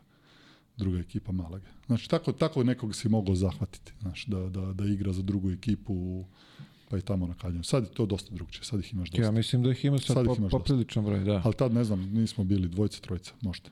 A, ACB, je li mogla neka opcija nešto da... Se... Pa bio sam, bio sam tu dva mjeseca u Juventudu, pa tako dalje, ali pa kao, znaš, i bilo je opcija koliko hoće, samo je šteta. Znaš, tako da ne, ne, vjerujem u te stvari, mislim, ono, stalno si negdje blizu, znaš kako već to ide. tako da nisam bio, nisam bio i to je to. Tako da ja sada dok kad radim ovaj posao gledam da, znaš, ne obećavam neke stvari koje ili nisu realne ili koje znaš da ne možeš da... Da, da... da im ne daješ lažnu nadu. Pa da, znaš, mislim, sad me pitaš da li je bilo šanse u ACB. Sad ja ti mogu svih 18 klubova nabrojati koje sam imao šanse, znaš, e, po, po, po priči menadžera, ali realnost je druga. Nikad nisam igrao, tako da je, to je to.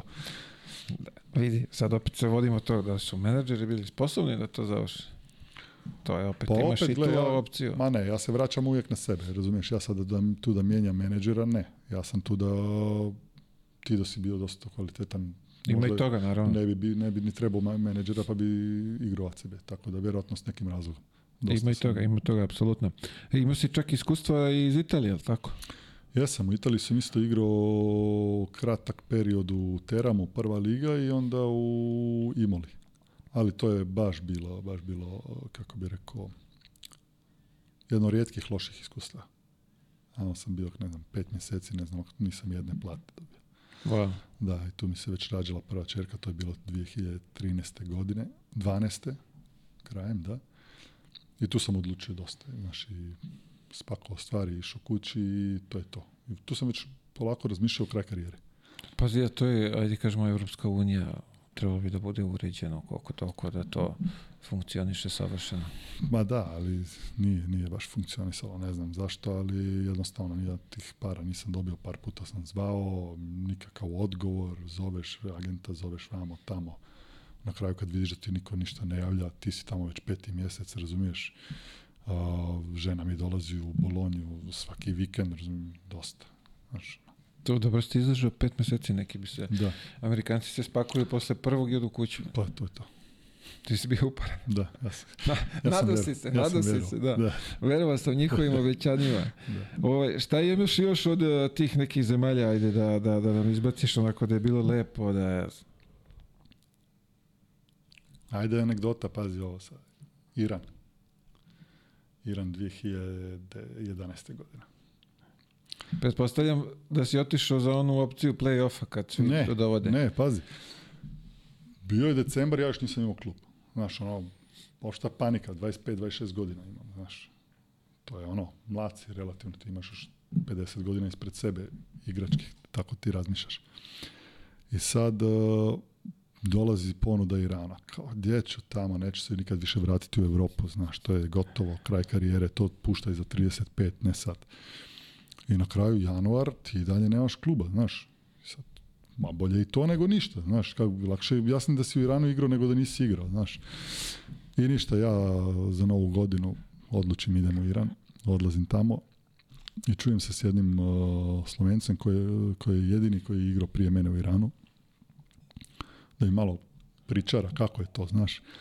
I on mi samo jednu stvar kaže, pazi, samo jednu stvar. Kod Iranaca odmah im moraš pokazati zube, znaš.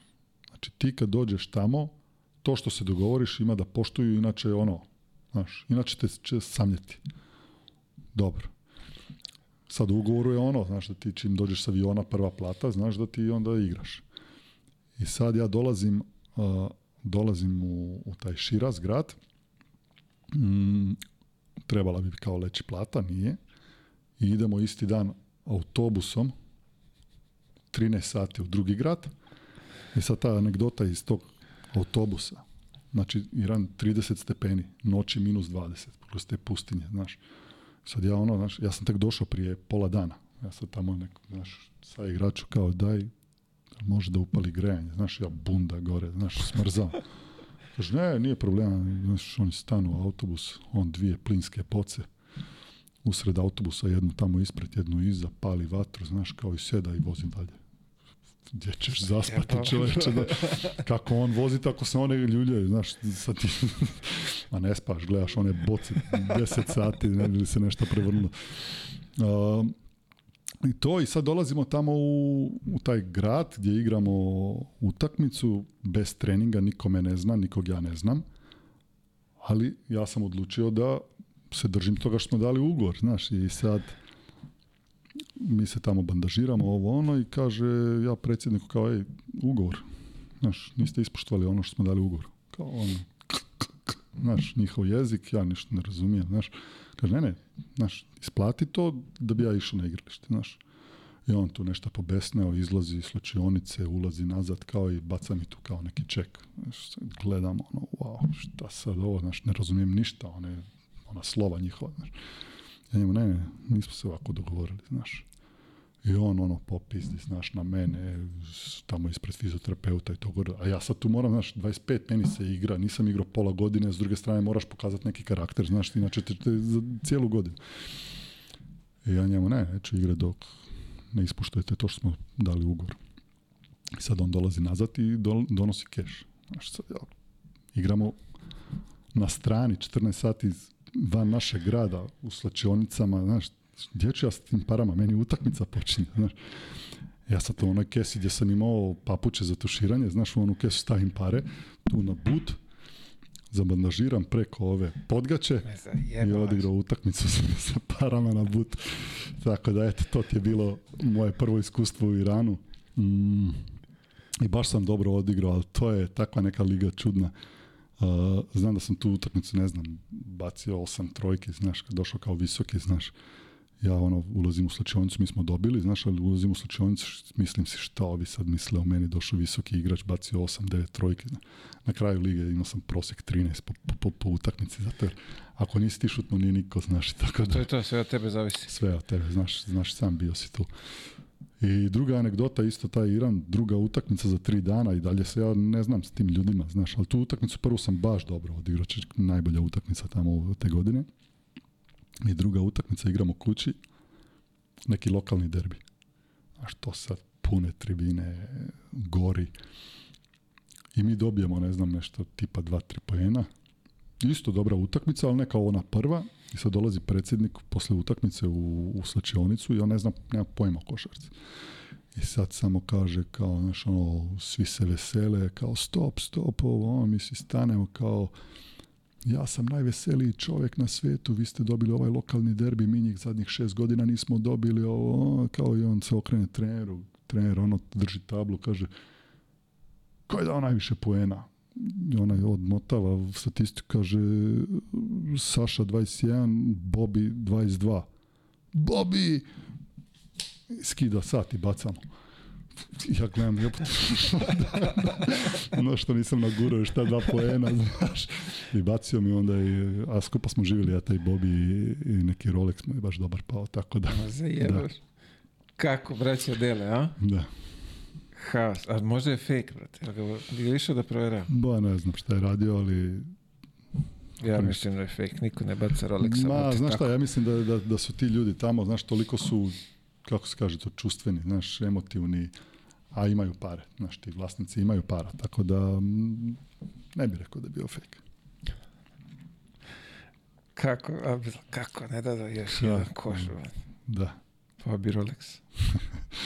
da li dobije papire, Znaš no, ako je Rolex bez papira, to ne vredi ništa. Da. je. Da. Ne, ne ga prodaš ne, ne, znam, ne šta je posle, posle toga bilo, ali ono, gledali smo u stanu, onda ono, nego zeleno od iza, znaš. Ono. Meni krivo s jedne strane, s druge strane, ajde, bar si ga ti dobio sad, onda treće opet, ono, znaš, ti imaš motiv za svaku sljedeću utakmicu možda. Misliš da će opet bude Rolex? Bila, bila veća utakmica između menja i njega, znaš, samo dva stranca po ekipi, mi naguravamo poene, znaš, ostalo te ne zanima ali nije bilo više do kraja sezone te šanse. Kako si snašao uopšte ovaj, život tamo u, u Iranu?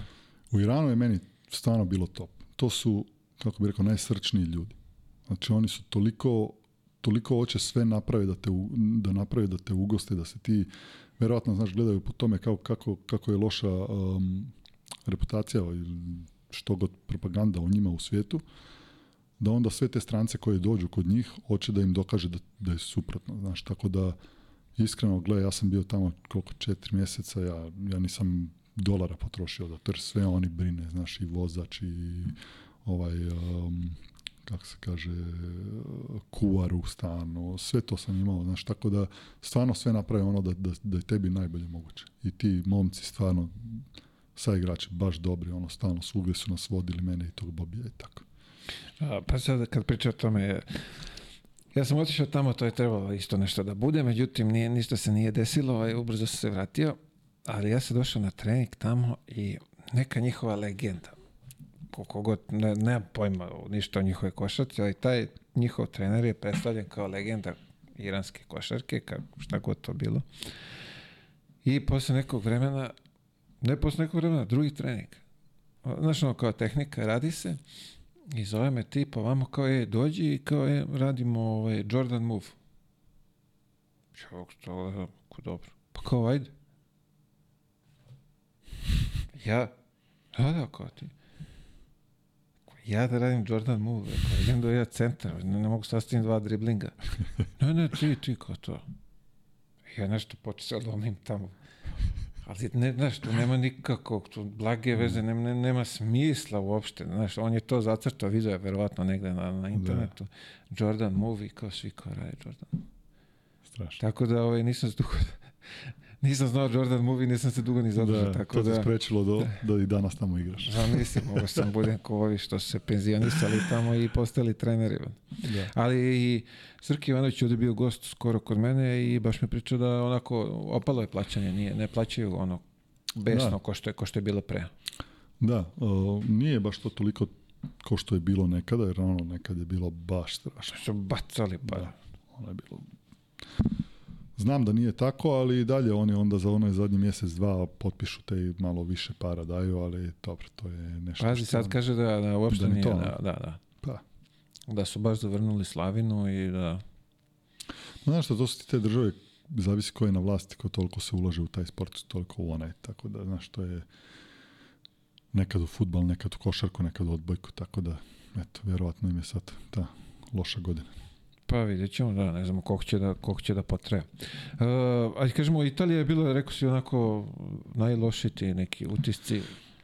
Pa da, mislim, Italija je to loše iskustvo, znaš, to tamo si čekaš dijete, nisi sa ženom, ona je tamo kući na pregledima, ti tu igraš, ne dobijaš plaćeno, ona dolazi, odlazi, radi, znaš, tako da tu sam onda rekao kao, ne, dosta je, idem kući, i, I to je to. Biću u Sloveniji, tu sam imao već koliko, znači ako je to bilo 2013. ja sam to znači imao već 19, 29 godina. Tako idem kući i to je to igrač tu u Sloveniji i dalje mogu nešto naći to je to. I stvarno ja tu potpišem u Sloveniji za pet godina sa jednim timom u slovenskoj prvoj ligi da igram. Ugovor na pet godina? Ugovor na pet godina. Kao to je to, znaš, tu neka platica, malo bolja platica i kući sam, znaš, kao Nažalost, sreću kako god, ne znam, zadnja utakmica te polusezone što sam došao iz Italije tamo. Mm, dobro, smo, dobro sam igrao, spasili smo se nekako ispadanja. I na zadnjoj utakmici dobijem neki udarac u koleno gdje, ono, na pregledima ništa se ne vidi, vidi se neki otok u kosti unutra, ali kao ne, znamo da li je to to i tako dalje. Znači kao pauziraj to, to ljeto i augusta šivamo dalje. Ok, ja dođem augusta isto. Um, opet pregledi, kao imaš neku, neki otok u kosti, to znači sa 70 godišnjacima to možda i bušimo da to izađe, ali tebi ne, znaš, tako da moraš sačekati na četiri mjeseca pauze i da to samo, dobro, četiri mjeseca pauze, ovi već malo naš u klubu nije im sve jedno i tako dalje. Četiri mjeseca, najduže četiri mjeseca u mom životu, ja vraćam se, mene boli isto kao prvi dan. Ja odlazim tamo kod nekog drugog lekara, ovo ono, i on pogleda pa kaže, pa ne, pa ti imaš samo tu neku, ne ovu bekerovu, nego ono neku drugu cistu iza, pozadi, to ti je korah, kad ti to zagriješ dobro, to ti ide u to ti bude ovoliko, znaš, i to te boli, to te sprečava, znaš, to neke atlete idu na, onu, na one skrinje, skoči dole u čučan da mu to eksplodira i zdravo, znaš, mi možemo to podnoši, a to samo ono, ok, ja to napravim ja za dva tjedna nazad. Ti izgubio Tako sam si Izgubio Cijelu sezonu sam izgubio zbog neke gluposti, a ne samo što sam ja iz sezonu izgubio, nego tu zbog toga što nisu znali šta se dešava, mene taj klub ne, nije mogao više platiti jer su morali dovesti novog igrača i tako dalje, već je bilo malo raspad sistema i oni su to mene nešto i suspendovali, bez veze. Ali meni je to dobro došlo zato jer ja sam onda sljedeće godine prešao u taj Laško. Aha, tu me, tu me uzeo Predrag Peđa Milović. Uh, on je stvarno jedan trener, mačak, odličan trener, sad je prijatelj i tako dalje. On me uzeo u Laško, tamo je sastavljao dobru ekipu. nije to bio neki novac, zato jer si bio godinu dana bez, bez igre.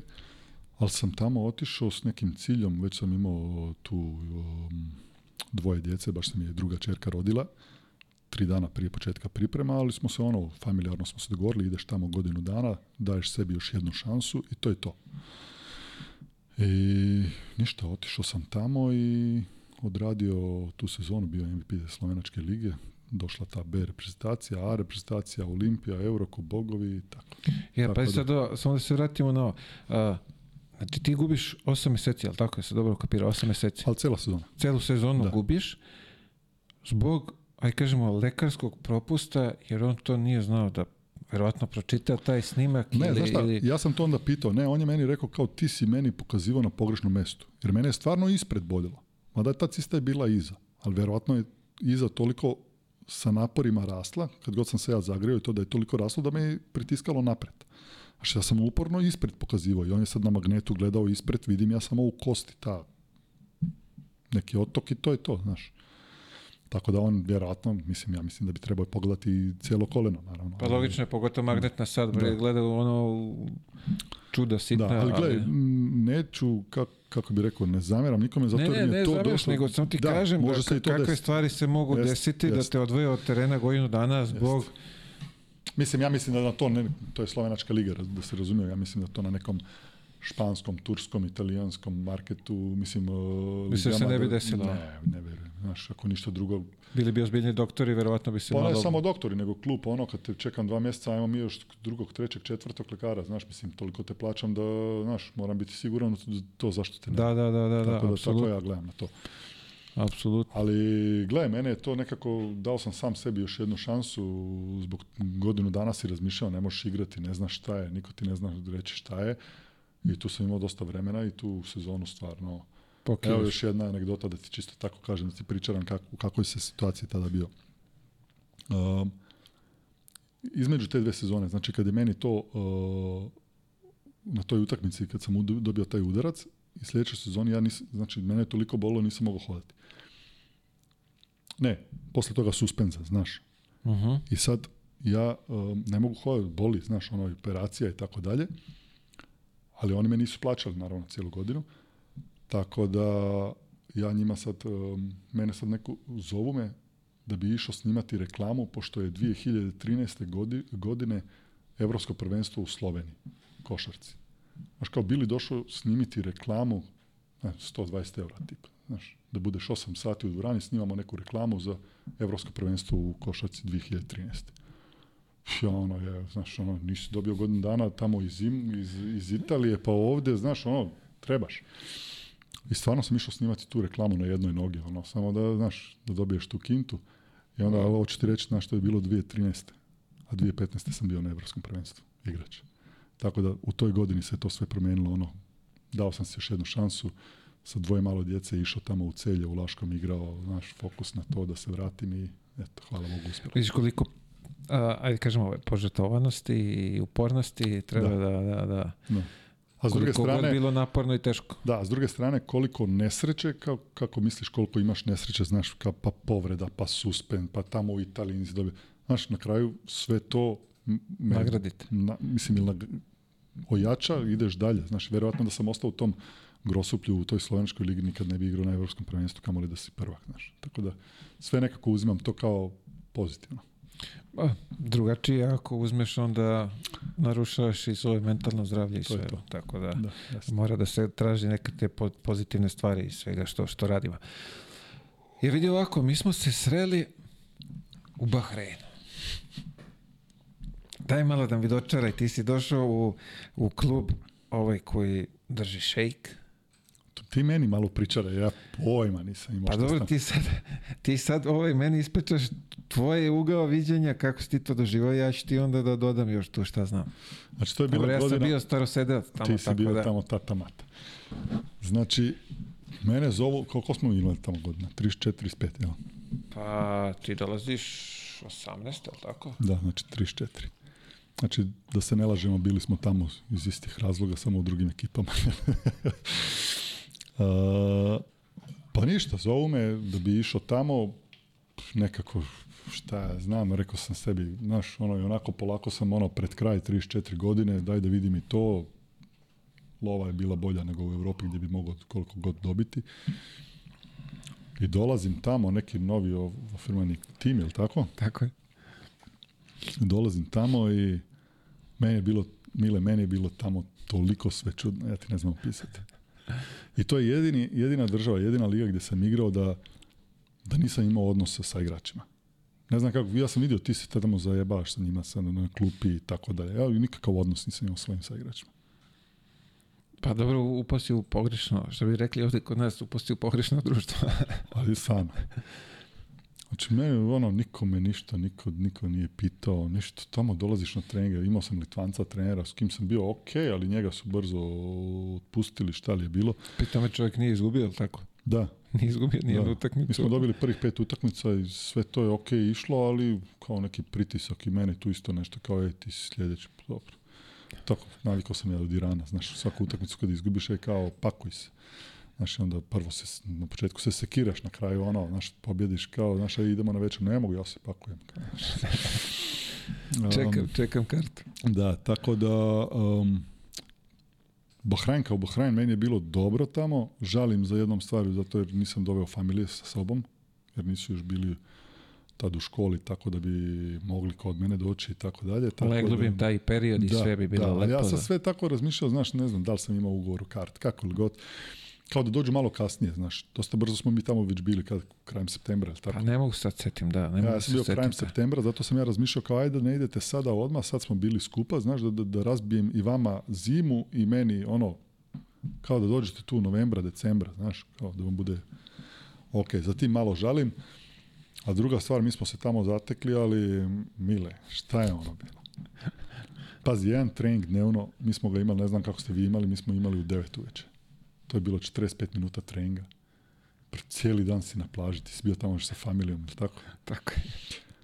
A pritom imaš mogućnost jutranjeg treninga gdje sve ekipe koriste istu salu. tako je. I sad dolaziš na trening i nas 16, ne, koliko, 8 stranaca i 7 njihovih i svi šutiramo, znači šutiram ja s tobom, ideš ti malo s tim njim. Tako je. To je... Da, da dočeramo publici. To je, na primjer, evo sad ovako, da se sve dešava u Beogradu, to je to. Ne ovoliko broj stanovnika, naravno. Da. Sve se dešava u Beogradu. Sve utakmice se igraju u Pioniru. Uh, neki klubovi imaju čak i mogućnost da treniraju u Pioniru. Obično svaka, svaki klub kao ima neku svoju salicu. Uh, I tamo utakmica se igra kad krene sezona, ja mislim, malo ne svaki dan igra, pošto liga koliko ima klubova, da. dve utakmice dnevno i onda samo se vrti samo u krug, tako da. da. hvataš ono, uhvatiš neki ritam i, i drži se toga. Ali, a, pošto se trenira jednom dnevno, naravno kvalitet svega toga, evo čovjek je rekao kako, to sve izgleda, ovaj, kao mi profesionalci da bi održavali formu, kondiciju, sve preporučeno je da, dođeš na, na jutarnji trening kao nešto da odradiš i onda u, ovaj, u pioniru, na primjer, svi, se, svi mi profesionalci dođemo i to što kažeš, ko šta hoće šutira. Da. S protivničkim igračima, trenerima, kako god. Da, ajmo, ajmo šutnemo, ajmo ja i ti odradimo centarsku liniju, iako nismo u istoj ekipi, ali tu radimo to, ajmo. I to je to, mislim, meni je bilo to ono stvarno čudno. Mislim, ono, pritom to je sat vremena, nas upadne unutra 16, lopte pucaju sa svih strana. Tvoja. Nisam ovo to nekako ni... Onda šta, najčudnija stvar je bila da su oni tokom lige odlučili da oni šalju reprezentaciju na neku na neki, šta neku turneju u Kinu, u Egipat, šta li je bilo, znaš? Imaju, da, imaju te ovaj, I jedini, jedini igrač, stranac koji je ostao u toj ligi je Mile Ilić. Mi sljedeći dan, nas sedmorica na, na aerodromu. Ti si e. jedini ostao. Pa vidi, ja sam bio starosedovac. ja sam prošao to više puta. Ti bio već njihov. Ja sam više puta se pakovao, što ti kažeš, i onda no, znam za tu foru. Ne, šalim se, ovaj, mnogo je zajbano, zajbano to tržište, opet, i, znam ljude od i ovaj veliki ovaj prijatelj iz, iz Koplja. Čovjek je bio prvi strelac lige, 30, Slagajte, četiri ili osam poena po utakmici. Da. Imao je ne znam koliko skokova, ali ne, nije, nisi dobar. Da. Tako je, pa, Živče. smo bili, pa, znaš, smo Tako je. kao... Bravo, bravo. I, da. znači, možeš trpaš sto poena ako onaj baja tamo u, u čašafu Ali ne znam da li, da li on dobio otkaz. Ja znam da je bilo tako da su nama javili da je sljedeća utakmica za mjesec dana, tako da nas ne plaćaju. Idete kući pa ćemo vas svi zvati to znaš koliko je sati. I sad dolaziš sljedeći dan na aerodrom i od osam, koliko je, osam ekipa bilo. Na sedam stranaca. Po jedan stranac na ekipu, ili tako? Tako je. Samo si ti ostao. Znači, svi ostali smo bili tamo na aerodromu.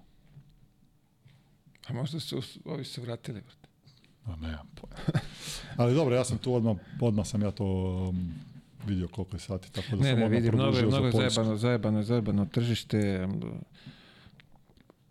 baš moraš onako da pokrivaš mnogo nekih stvari, da, da kupiš tamo za taj tim, da bi ti opstao ono, na tom nivou. Pogotovo ti si leteo u klub koji drži šejk i koji misli da sve zna. I... Da, kao mi odmah prvaci. To, da, da, da. To je bilo da, ono, mislim, ono. Mada, mislim, one građe kad vidiš ona tijela tamo. A nema, to, to nisu profesionalci, to su ljudi koji idu ujutru, rade, da, ali ti znaš onaj, onaj, onaj što igra u repustaciji, što igrao sa mnom u toj rifi. Onaj, e, dva brata su. Dva brata, da. Onaj građan Euroliga. Da, sve da. Šta, strašno. Građa Euroliga, a glava... Da. KLS. Pa vidi, za KLS, ba, a ne bi ni za Bahrein. Bahrein. Žalosno, da, ali gle, i opet novo iskustvo koje, znaš, možeš ispričavati. Ipak sam bio u tim nekim državama koje su redko posjećene za košarkaše.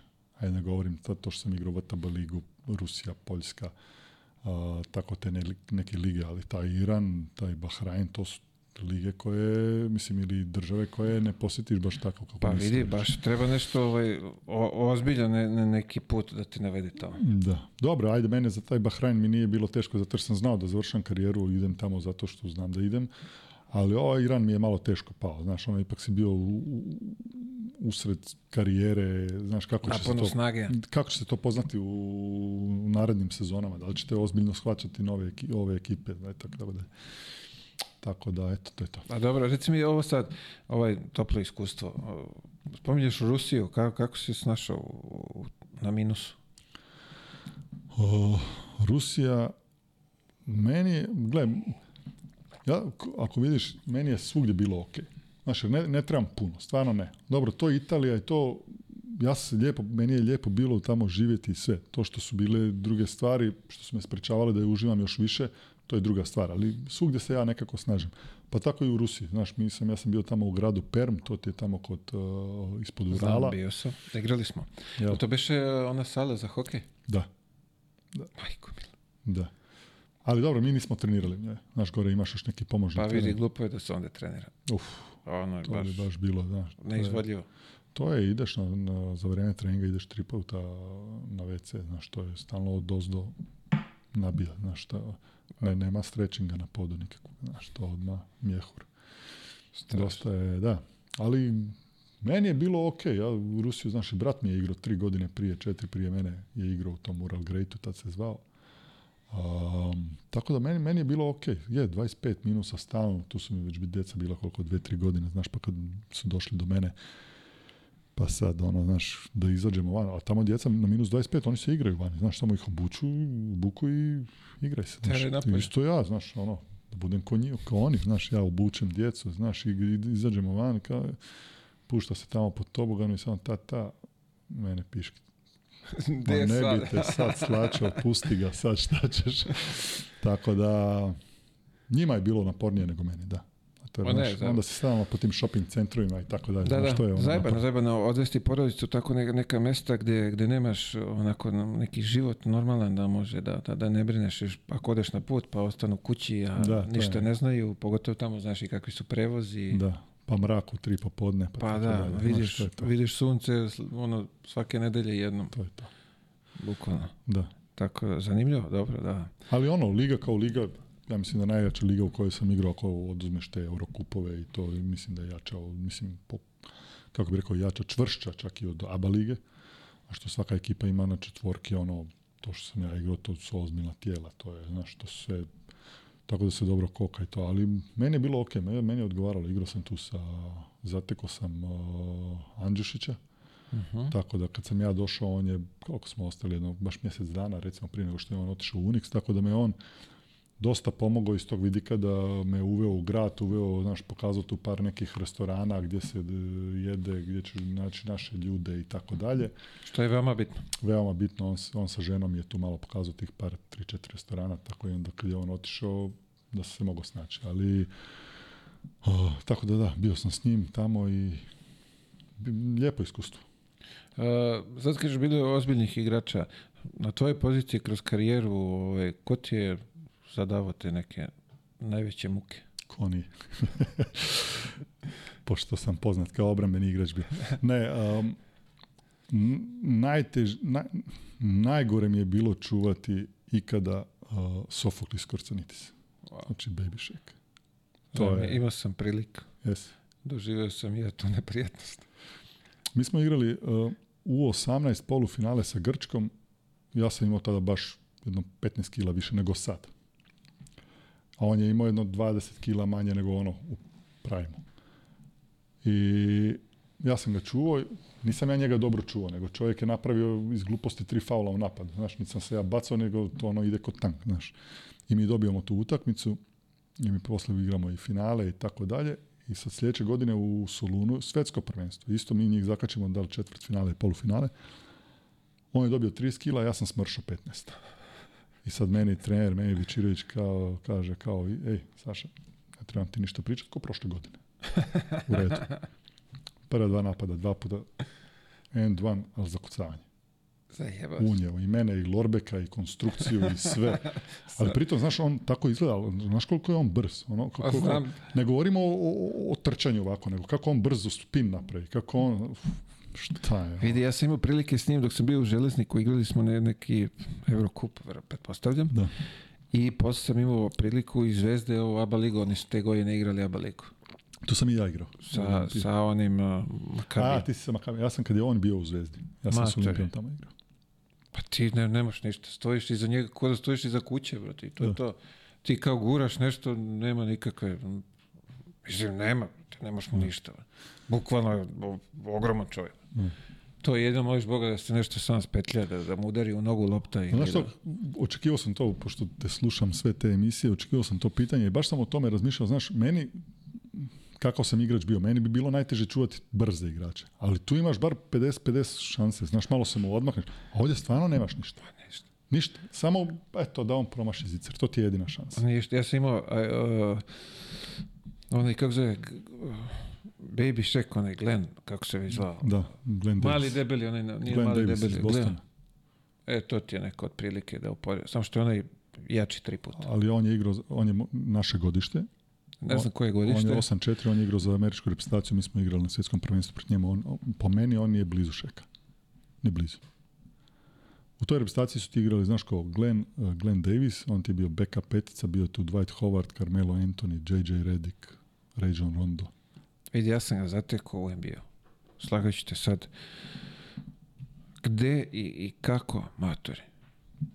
Imali smo par ono, ono kao fizički oni kontakti. Daj, daj izmenu, e, ovaj ti izlomi. Ti ne možeš da veriš koga to snaga. Da. Kao u kamen da udaraš. Ovaj baby, ovaj ovdje mali, ovaj grčki, on je onako, znaš, pufnica kad ga pipneš, da, mekanje. mekanje on je bre tvrd ko, ko su dobre, katastrofa. Tako da imao sam te dve prilike sa ta dva čoveka i ne, meni ovo sam, mislim, ubedljivo, pa sam igrao protiv dosta dobrih igrača i to i, baš se napatio u obrani i sve to, ali protiv njega sam baš... Hoćeš se bespomoćno. Baš, ono, znaš, ono, znaš kad, kad, napraviti faul, da samo me mijenjaj. Daj nek nekog drugog siluje, pusti me, molim te više, znaš. Toliko se Vadi me napolje da, da, se ne pati. Da. Užas. Da. Užas. I je vidio, malo pre smo nešto dotakli se e, ovih workouta u NBA-u. Ti si bio deo toga. Možeš malo da mi dočaraš taj, taj tvoj prvi kontakt s Amerikom, kako to izgledalo sve. Ajde, opet ti dolaziš iz Slovenije, gdje je koliko toliko uređenije nego ovdje kod nas u tom momentu. Kako je to kako si ti to doživeo? Pa,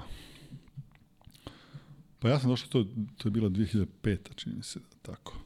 I došao sam na pobudu tog mog bivšeg agenta.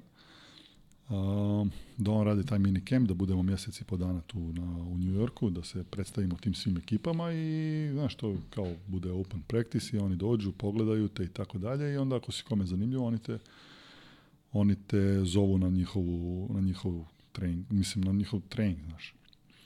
I sad tu dođu sve te ekipe a, i meni je na tom treningu baš dobro išlo, nešto sam štirao baš, baš dobro. I onda te zovu tih, ja sam mislim da bio na 13 workoutova, prve dva se sjećam ostalo, ništa više. Jer to je ono samo, znaš, doletiš u salu, hotel, spavanje, ujutro, avion. Tako da prve da se sjećam Atlanta i, i, i Los Angelesa, ovi Clippers, a onda ništa više. Ne znam ni gdje sam bio, ni šta sam bio i to je to. Ja jedno što sjećam od toga, to je da sam letao biznis klasom. Jesi, ja? Da. Pa ja to je bilo kao... Plaćali su biznis klasu, sjećam se da mi je bilo full. da. To se, a eto vidiš, ja se to ne sjećam. Ja se samo sjećam da su ono opreme dobijao koliko si htjela, znaš, pa onda ne znaš šta bi s tim, gdje da Ti vidiš, mene su, nisu, mene su se ustekali. Wow, ja nisam dobio ništa. Uf, mi smo imali to. Ali gledaj, onda s druge strane, ti si tamo da, da, da, da se pokažu što boljem svetlju. Tako da ništa bio je to taj draft, bili smo tamo u tom Madison Square Gardenu, a, nisam bio izabran naravno.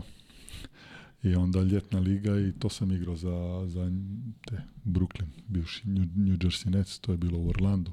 Ko je bilo neko od ovih poznatih u ehm, ti si igrao godinu posle toga tamo, tako da to je morao onaj Antoine Wright.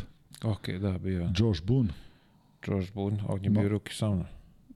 On je bio ruki s tobom? Da. I Marcus Williams. I Marcus Williams, oni da. Su bili, oni su bili tu draftovani? A, moguće. Ne, ja sam... Oni su bili na tom draftu. Ok, ja sam draftovan godinu pre. A smo posle zajedno smo bili. Jel? Tako je. Aha. A ja sam to leto bio sa reprezentacijom, išao na svetsko prvenstvo. Moguće. To je 2006. Da. Tako da. je. Da.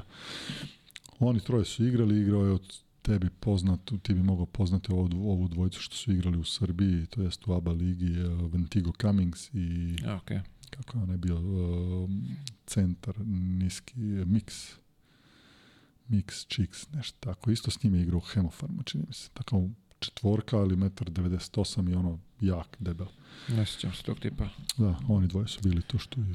Kako se snašao na, na, na, na toj na ljetnoj ligi katastrofa, zato jer ja sam bio u ekipi gdje nama je bio, spomenuo si ga dosta puta, trener Frank Lorenz, tako da ne mogu baš tako, ne mogu tako reći kao što ti pričaš. Ali da, bile su to neke čudne, ali opet novo iskustvo, znaš, mislim, ono, naš prije utakmice, znaš, sa igraš tamo, znaš, imate za ruku, ovaj tu šta radimo, znaš, molimo se prije utakmice i to. Ja, se, da, ste imali Ja gledam tamo šta se dešava, znaš, ono, molimo Kao iz američkih starih filmova. Da, da, da. I pritom ja sam imao, znaš, u ekipi nas je bilo 14, od toga ja sam bio jedini belac, tako da me nisu nešto previše gotivili. Uh, tu je pucalo na treninzima stalno.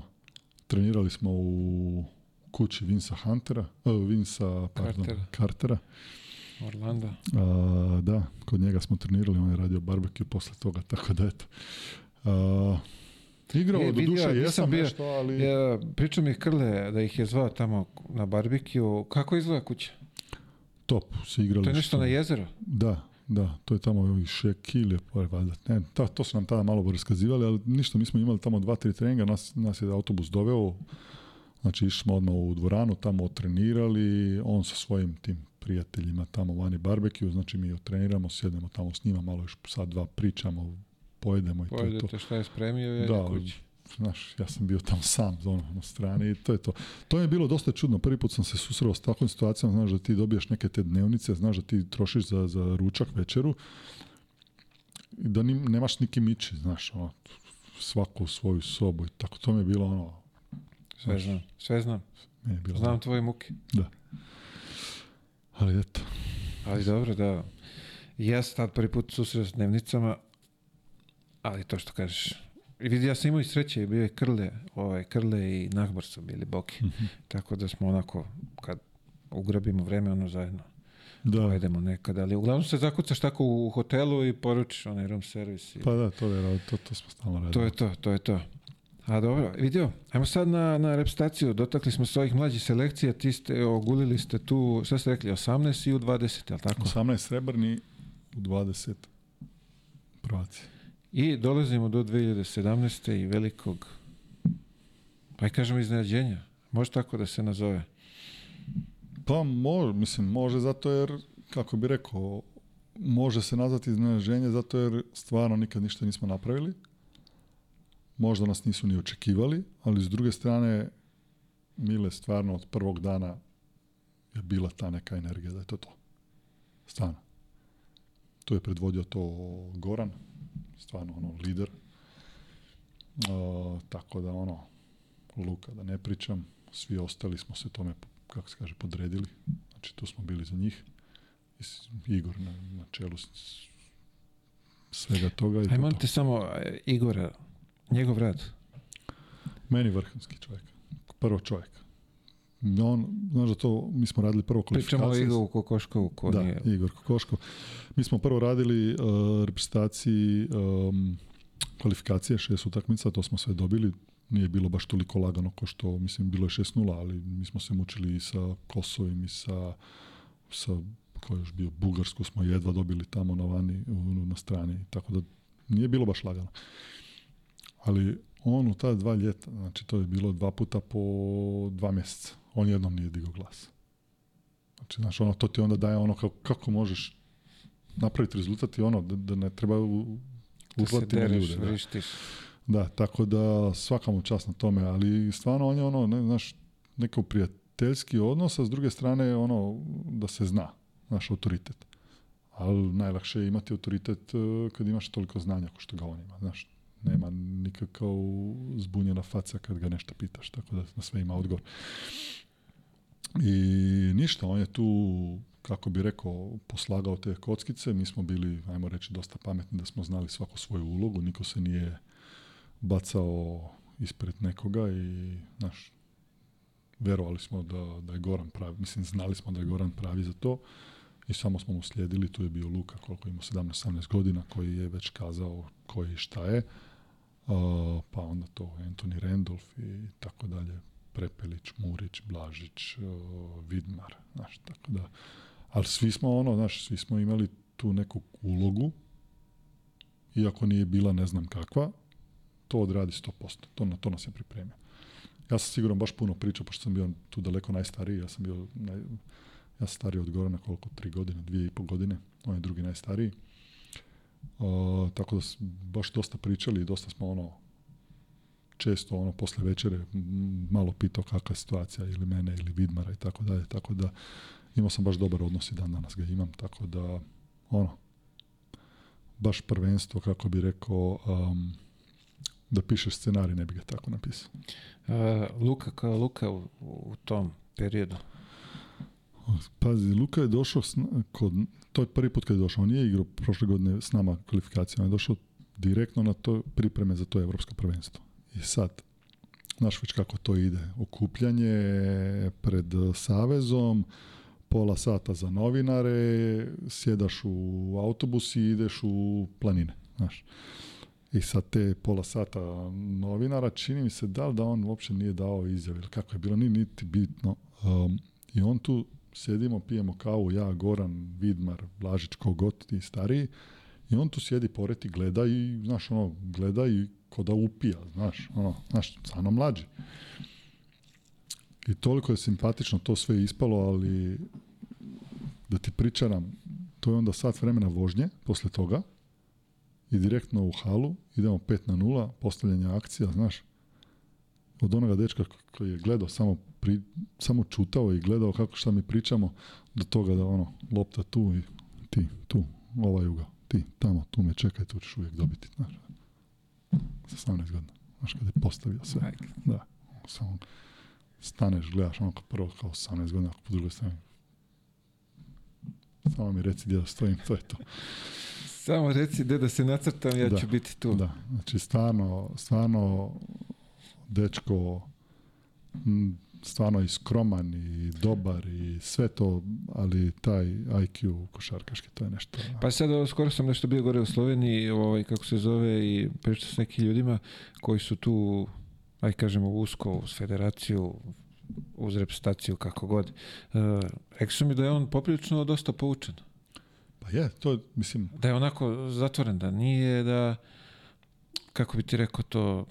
Što kažeš, to je na kafi, sedi, ćuti da, nije, nije on prevelika pričalica, znaš da će on tu sad biti u centru pažnje. Ne, njega to ne zanima. Ono kad je sa svojim tim drugarima kojima je stvarno blizak i to onda se oni opusti iza jebancija i to ali ne ono da nešta na van. Znaš, stvarno je, neću reći povučen, ali nije ono e, ja, ja, ja. Ne, uopšte, mislim, stvarno da sediš s njima i da nema, da ima masku preko, ne bi nikad rekao da je to, da bi to moglo biti ono. Znaš, što toliko, toliko normalan dečko. Što potvrđuju i ovi svi rezultati koje pravi, vjerojatno, da. je neki a ne bi ovaj, napravio to što je napravio. Pa, Jokić dosta, dosta, ne znam, dečka, ali dosta slično djeluje, znaš, ono, staložen, miran, zna šta hoće, mislim, ono, koliko je mlad, toliko je odrastao u glavi, Tako vidiš sve što drugi rade. Pa to je to, prosto. Da. Deluje tako prosto. Da. O, ovaj, ajde ovako sad, pripreme za utakmicu sa Srbijom, to me zanima. Da ima tu neke, neke te taktike koje ste vi, šta ste vi u stvari radili da, da dobijete Srbiju? Kako je bila priprema? Smeš nešto da otkriš sad poslije? Pa ne, koliko godina? Ne, mislim, taktika kao taktika je bila za svaku utakmicu ista. Znaš, znači, nama je bila i onako utakmica um, turnira, znači utakmica Evropskog prvenstva sa Letonijom, ili tako kažete vi, jel tako Latvija, Letonija. Letonija, da. Da, to je bila utakmica turnira za nas, jer smo znali da je taj Porzingis, ta ekipa stvarno, stvarno jaka. Mi kad smo došli na Španci, mi smo osjećali ono da možemo, znaš, ali to je taktika nam je bila ono pretrčati ih, znaš, ti kad imaš Gorana Prepelića, Blažića, to koji to ko metak ide, da. znači oni su dosta teška, stara ekipa bila. Ako se pustiš u šah s njima, nemaš puno šansi, tako da to je bilo to. Sa Srbijom je bilo malo drugčije, pošto su i oni imali, to jest vi ste imali kombinaciju i toga da možete i šahirati, možete i trčati, možete i, mislim, ono, stvarno je bilo teško, ali nije bilo neke, ono da bi rekao, preterane pažnje na nešto, naravno, to je bio Bogdan koji je odigrao prvenstvo samo tako, ali pre svega, znaš šta, navijači su nama baš puno dali, znaš, i kad smo ušli u, na zagrevanje sat, a mi već posle jutranjeg treninga kad smo išli prema hotelu, znaš, pa kad vidiš slovenske registracije u sred Istanbula, Istanbul 20 miliona ljudi, znaš, ono, kože dlake ovako, znaš. I onda uđeš prije utakmice, sat i po prije na zagrevanje, tamo već 7000 ljudi gore, znaš, ono, dočekate aplauz i to, znaš. I sad ono, pola sata prije utakmice kad ulaziš, da on ima još zadnji taj speech, Igor, znaš kako je otvorio vrata, znaš, ono kad je zadunulo, znaš, ono, Slovenija i to, samo on kaže, ja, ja vam nemam ništa reći. Momci, znate šta, treba? To je to, nošu To je to. Prosto igra, To je to, prosta stvar stvari su sve, većina stvari u životu prosta, samo što ih mi zakomplikujemo uvek. Ali samo prvenstvo je bilo stvarno, ja mislim da ne mogu reći nikad jače, ali rekao bi da ono, nikad izjednači, znaš, ono, stvarno, dobro, ta Rusija možda da je došla u polufinale malo ono, imao si možda boljih ekipa ili kako god da okreneš, neću ništa omaložavati njihovu rezultat, ali hoću reći da, znaš, kogod bi dobio ili Srbija ili Španija ili Letonija, znaš, ne bi bilo nikakvo iznenađenje. Jer to je bilo, znaš, mislim, Španija, koliko god je ona, znaš, starija ekipa i to, to znaš koliko je to iskustva, taj sem, emiteri, San Emiterio, pa da. Navarro, pa Braća Gasol, pa to. Znaš, i to je ta recimo, još neka anegdota koja Igor je dosta puta ono posle, utak, posle, posle večere, znaš, pozvao Zagi kao dođi normalno na stranu, kao kako je ekipa ovo, ono, znaš, sad Mene on posle letonije me pita kao, je Zagi, aj dođi ovamo. Kao, kako je? Ja mu kažem, gle, sve je okej, mislim da smo, na, ono, okej smo, znaš, sve je u redu, ne, nema nekih tenzija, opušteni smo. Kažem, vrate, igramo polufinale. Šta me briga, kakva tenzija, mislim, tu nema, tu, se gine, ne? Kako si ti? što, kako si na pa dobro, što? Sutra trebam jedno 15 minuta protiv Španjolaca. Mene trebaš, ja mjesec dana nisam šutnuo, šta je, znaš kako to ide na tim prvenstvima, tamo nema treninga, znaš, zadnji put sam igrao, znaš, ono, pripremne utakmice, Kaže, da, mislim, ono, stvarno trenante, velika su tijela, znaš, svim respektom do Edota, kojim je, ono, jedan omiljenijih igrača i to sve meni. kao, znaš, odlučili smo sa štavom kao da, da ćemo tebe koristiti i Antonija na četiri, znaš, ok, pričao sa Edutom, da, da, sve naravno. To ti hoću reći kako smo radili kao kohezija, znaš, i taj koji je prije bio petorka, njemu nije bilo problem da protiv Španije neće igrati. Znaš, tako ćemo mi zato dobiti utakmicu, ako se ne skida. Znaš, tako da to pokazuje kakav, kakav tim smo bili. I ništa, ti sada sa onom knedlom u grlu ideš gore spavati, sutra utakmica 15 minuta, znaš, nisi ali dobro, eto, dobro, nisam loše odigrao. Ja, pa sad, susretao sam se sa igračima u toku karijere koji ne vole kad im trener uh, ne naglasi da će da počne. Pa ga onda on izađe na, na zagrevanje i ovaj kao je ti su petorci. I on kao, znaš ko, nije mi rekao, iznenadio me, nisam spreman. Stvarno znači. je bilo dosta takvih. Da, On si morao da priđeš, rekao, ti ćeš da. i onda ja ne znam šta, šta, šta se tu u glavi radi da se ti pripremiš da će početi. Ali Mile, po meni je to, znaš šta je to? To je e, ono, alibi. Znači ti unapred tražiš alibi. Ti si došao na utakmicu, jesi došao, da. jesi, jesi zagrio, jesi. Znači ne paše ti to, ne paše ti ono. Znači, mislim, ja, ja recimo, ja sam bio jedan od onih igrača, naročito prema kraj, e, prema kraj karijere, da nisam volio počinjati. Znaš, nekako sam ono, Daj nek se rastrče oni iz početka da dođem ja nekako u bonus unutra, smatrao sam se ono da sam dosta pametan, da ću izvući neki faul, da ću kroz penale ući u utakmicu, znaš. Ne ono u početku, znaš, odmah te buše pick and rollovi, ono trčanje, znaš. Ono kad si stariji malo ali to mi je odgovaralo, ali sad ako počneš, počneš, šta sad ti nisi spreman na to. Mislim, to je meni... Ono... Malo mi da, to što kažeš, ali vidiš, on je prišao ti i rekao ti koji mislim, će on je da bude. Znaš po čemu je on mene, ja mislim, ono, ja sam igrao svaku utakmicu skoro tamo, ali sam igrao po dve, tri minute, znaš, meni je bilo ono, igraš Borussom, daj dva, tri jaka faula, znaš, ili daj, znaš, nešto takvi zadatki. a sad ono 10-15 minuta tu ćeš imati i loptu i branit ćeš i to. Čak ćeš morati da šutneš na koš. I šutneš, i, i šutno sam ih na pet, tako da više iz toga da daj razmišljaj o tome šta pričamo, znaš, jer sutra trebam 15 minuta. Da, znam da, to radiš, ali daj za svaki slučaj, znaš, da nam ne, da ne bi bilo nisam znao posle, znaš. Svaka čast. Kakav još će biti šampion Evrope?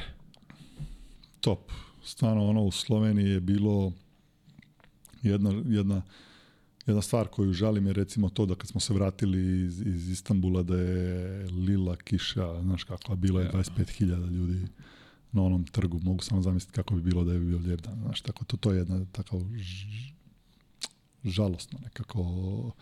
Mislim, bilo je lijepo i sve to, ali ono, znaš, da, da, lepše da, da. imate ovdje, koliko ljudi dočeka i tako dalje.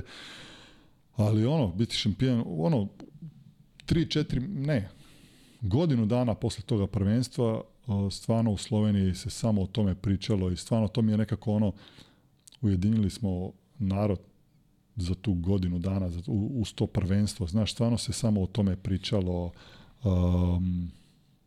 na svim, gdje god si krenuo, babe na, na, na pijaci ili ne znam gdje. Osim moje žene, recimo, ona pojma nema o košarci, ona ništa ne zna, njoj su, su u službi, mislim, ona, znaš kako je bila situacija, ja sam, ja sam joj samo to objasnio, znaš, ne, nema pojma o košarci, to volim da je tako. Ali, ako izgubimo četvrt finale, ja dolazim kući. Ako dobijemo, onda igramo još dvije utakmice, jer se igra polufinale i onda još za treće ili prvo mjesto, znaš. I sad mi dobijemo i tu je već ono tenzija u Sloveniji rasla, znaš, kad si dobio Litvu, mislim Latviju, ono Letoniju. Jer prije ono dok si dobio Ukrajinu u osmini finala, to još nije bilo nešto, ali onda Letonija, pa Španija, pa Srbija, to. I ona mene samo pitala kao što je ova neka buka oko vas što ste vi tamo kao u, u Istanbulu, da to znači da ti ne dolaziš po, dje, djecu u vrtić kao sutra, znaš? znaš, tako da to me pitao. Um, ali da, to je stvarno ono godinu dana je bilo stvarno samo o tome, o tome, o tome i eto, što je dobra stvar. Naravno. E, ovo što me zanima, jeste dobili ove nagrade od države, onih, koliko, 500 eura, koliko, je bilo, 300 eura? E, ne, znaš kako je bilo? Tu su me nasadili malo. ja, Dimec i Rebec smo jedini koji smo igrali tad u, Sloveniji. Znaš, posle toga. I sad kao Zagi daj bil ti nas to predstavljao, znaš, kao najstariji si, najiskusniji si, kako god, znaš, da ja idem na te pregovore, znaš, sad ja idem sa ministrima na pregovore, zamisli to, znaš, mislim, ono, mogu pričati o svemu, ali ti me možeš slagati, šta, šta, Tako da sam ja bio tu, nešto sam se pojavljivo na televiziji i tako dalje, kao, znaš, nešto pričamo o tome, ali na kraju, da, da nešto, nismo dobili nešto. I dalje vam nisu uplatili? Mislim, dobili smo, ali nije to neka suma. To je. Ne, ne, bitno je, ok, ispošto se uplatili. Jesu, jesu, jesu, to su to su odradili, dobili smo, ali napram onome što čujemo kako dobivaju druge reprezentacije i tako dalje, to je... A dobro, daleko od toga, nego mi je bilo smešno prošlo, to, koliko više nešto, 300-500 smješno? ne, Ne, ne, ne, bilo je, bilo više, bilo To je što ste dobili, jel tako, ali je bilo u početku nešto mizerno. Da, no, ali dobro, tu su... Pa ste malo izboksovali tamo. Da, tu su baš predsjednik uh, Matej i Rašo su baš tu napravili okej za pobrinu se za nas, tako da... Pa mislim, vidi, stvarno je glupo da osvojite prvenstvo Evrope i da dođe neko da vam daje 1000 evra kao... Mislim, znaš šta, je najgore da vjerojatno i na tih 1000 bi morao platiti porez kao prvo nazad državi, kao drugo onda bolje ne uzeti, znaš, ne da ti neko onda baca napred, znaš, ti, mi smo ti da, dali to, neka, imaj. Haos, haos, vidi, smesno, ali kod nas je to malo drugačije zavedeno. Kod nas je da... to dosta, dosta bolje izgleda, ko, ko, po tom, Ima neka po i penzija, da, ovi što da. su se ogrebali, da. tako da... Svaka čast. Da, tako Svak, baš svaka čast. Mislim, to je lepo, nagradite pa... Meni se to baš sviđa, zato jer e, mislim da ono, nekako sportiste u svijetu stvarno stvarno predstavljaju svoju zemlju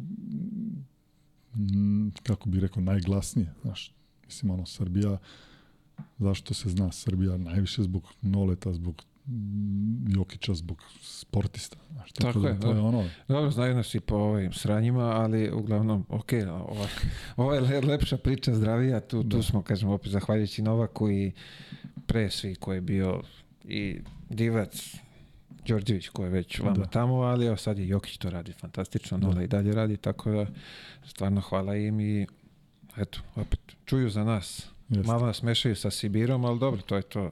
Tu je to. A vidiš nas sa Slovačkom. Tako da. Ne znam što je gore, da li Slovačka ili Sibir. Pa dobro, ajde, nama šta, dobro. Vama je bliže, da mi smo malo, ono, onako malo podalje. Da. I e, vidi, pošto smo preskočili, vamo na početku smo ovaj, plan i penzija. Uh, eh, ovdje smo pred kraj, imamo još, imam dva pitanja za tebe. Ajmo. S ove tačke gledešta, košarka, šta ti je donala? Oh. Znaš šta, donijela mi je sve ovo što sada pričam, znaš, o, o tim rezultatima, uspjesima, neuspjesima, neuspjehima, um, gdje si igro, šta si igrao. Na kraju to iskustvo, znaš, to, ta poznanstva, to, te prijatelje.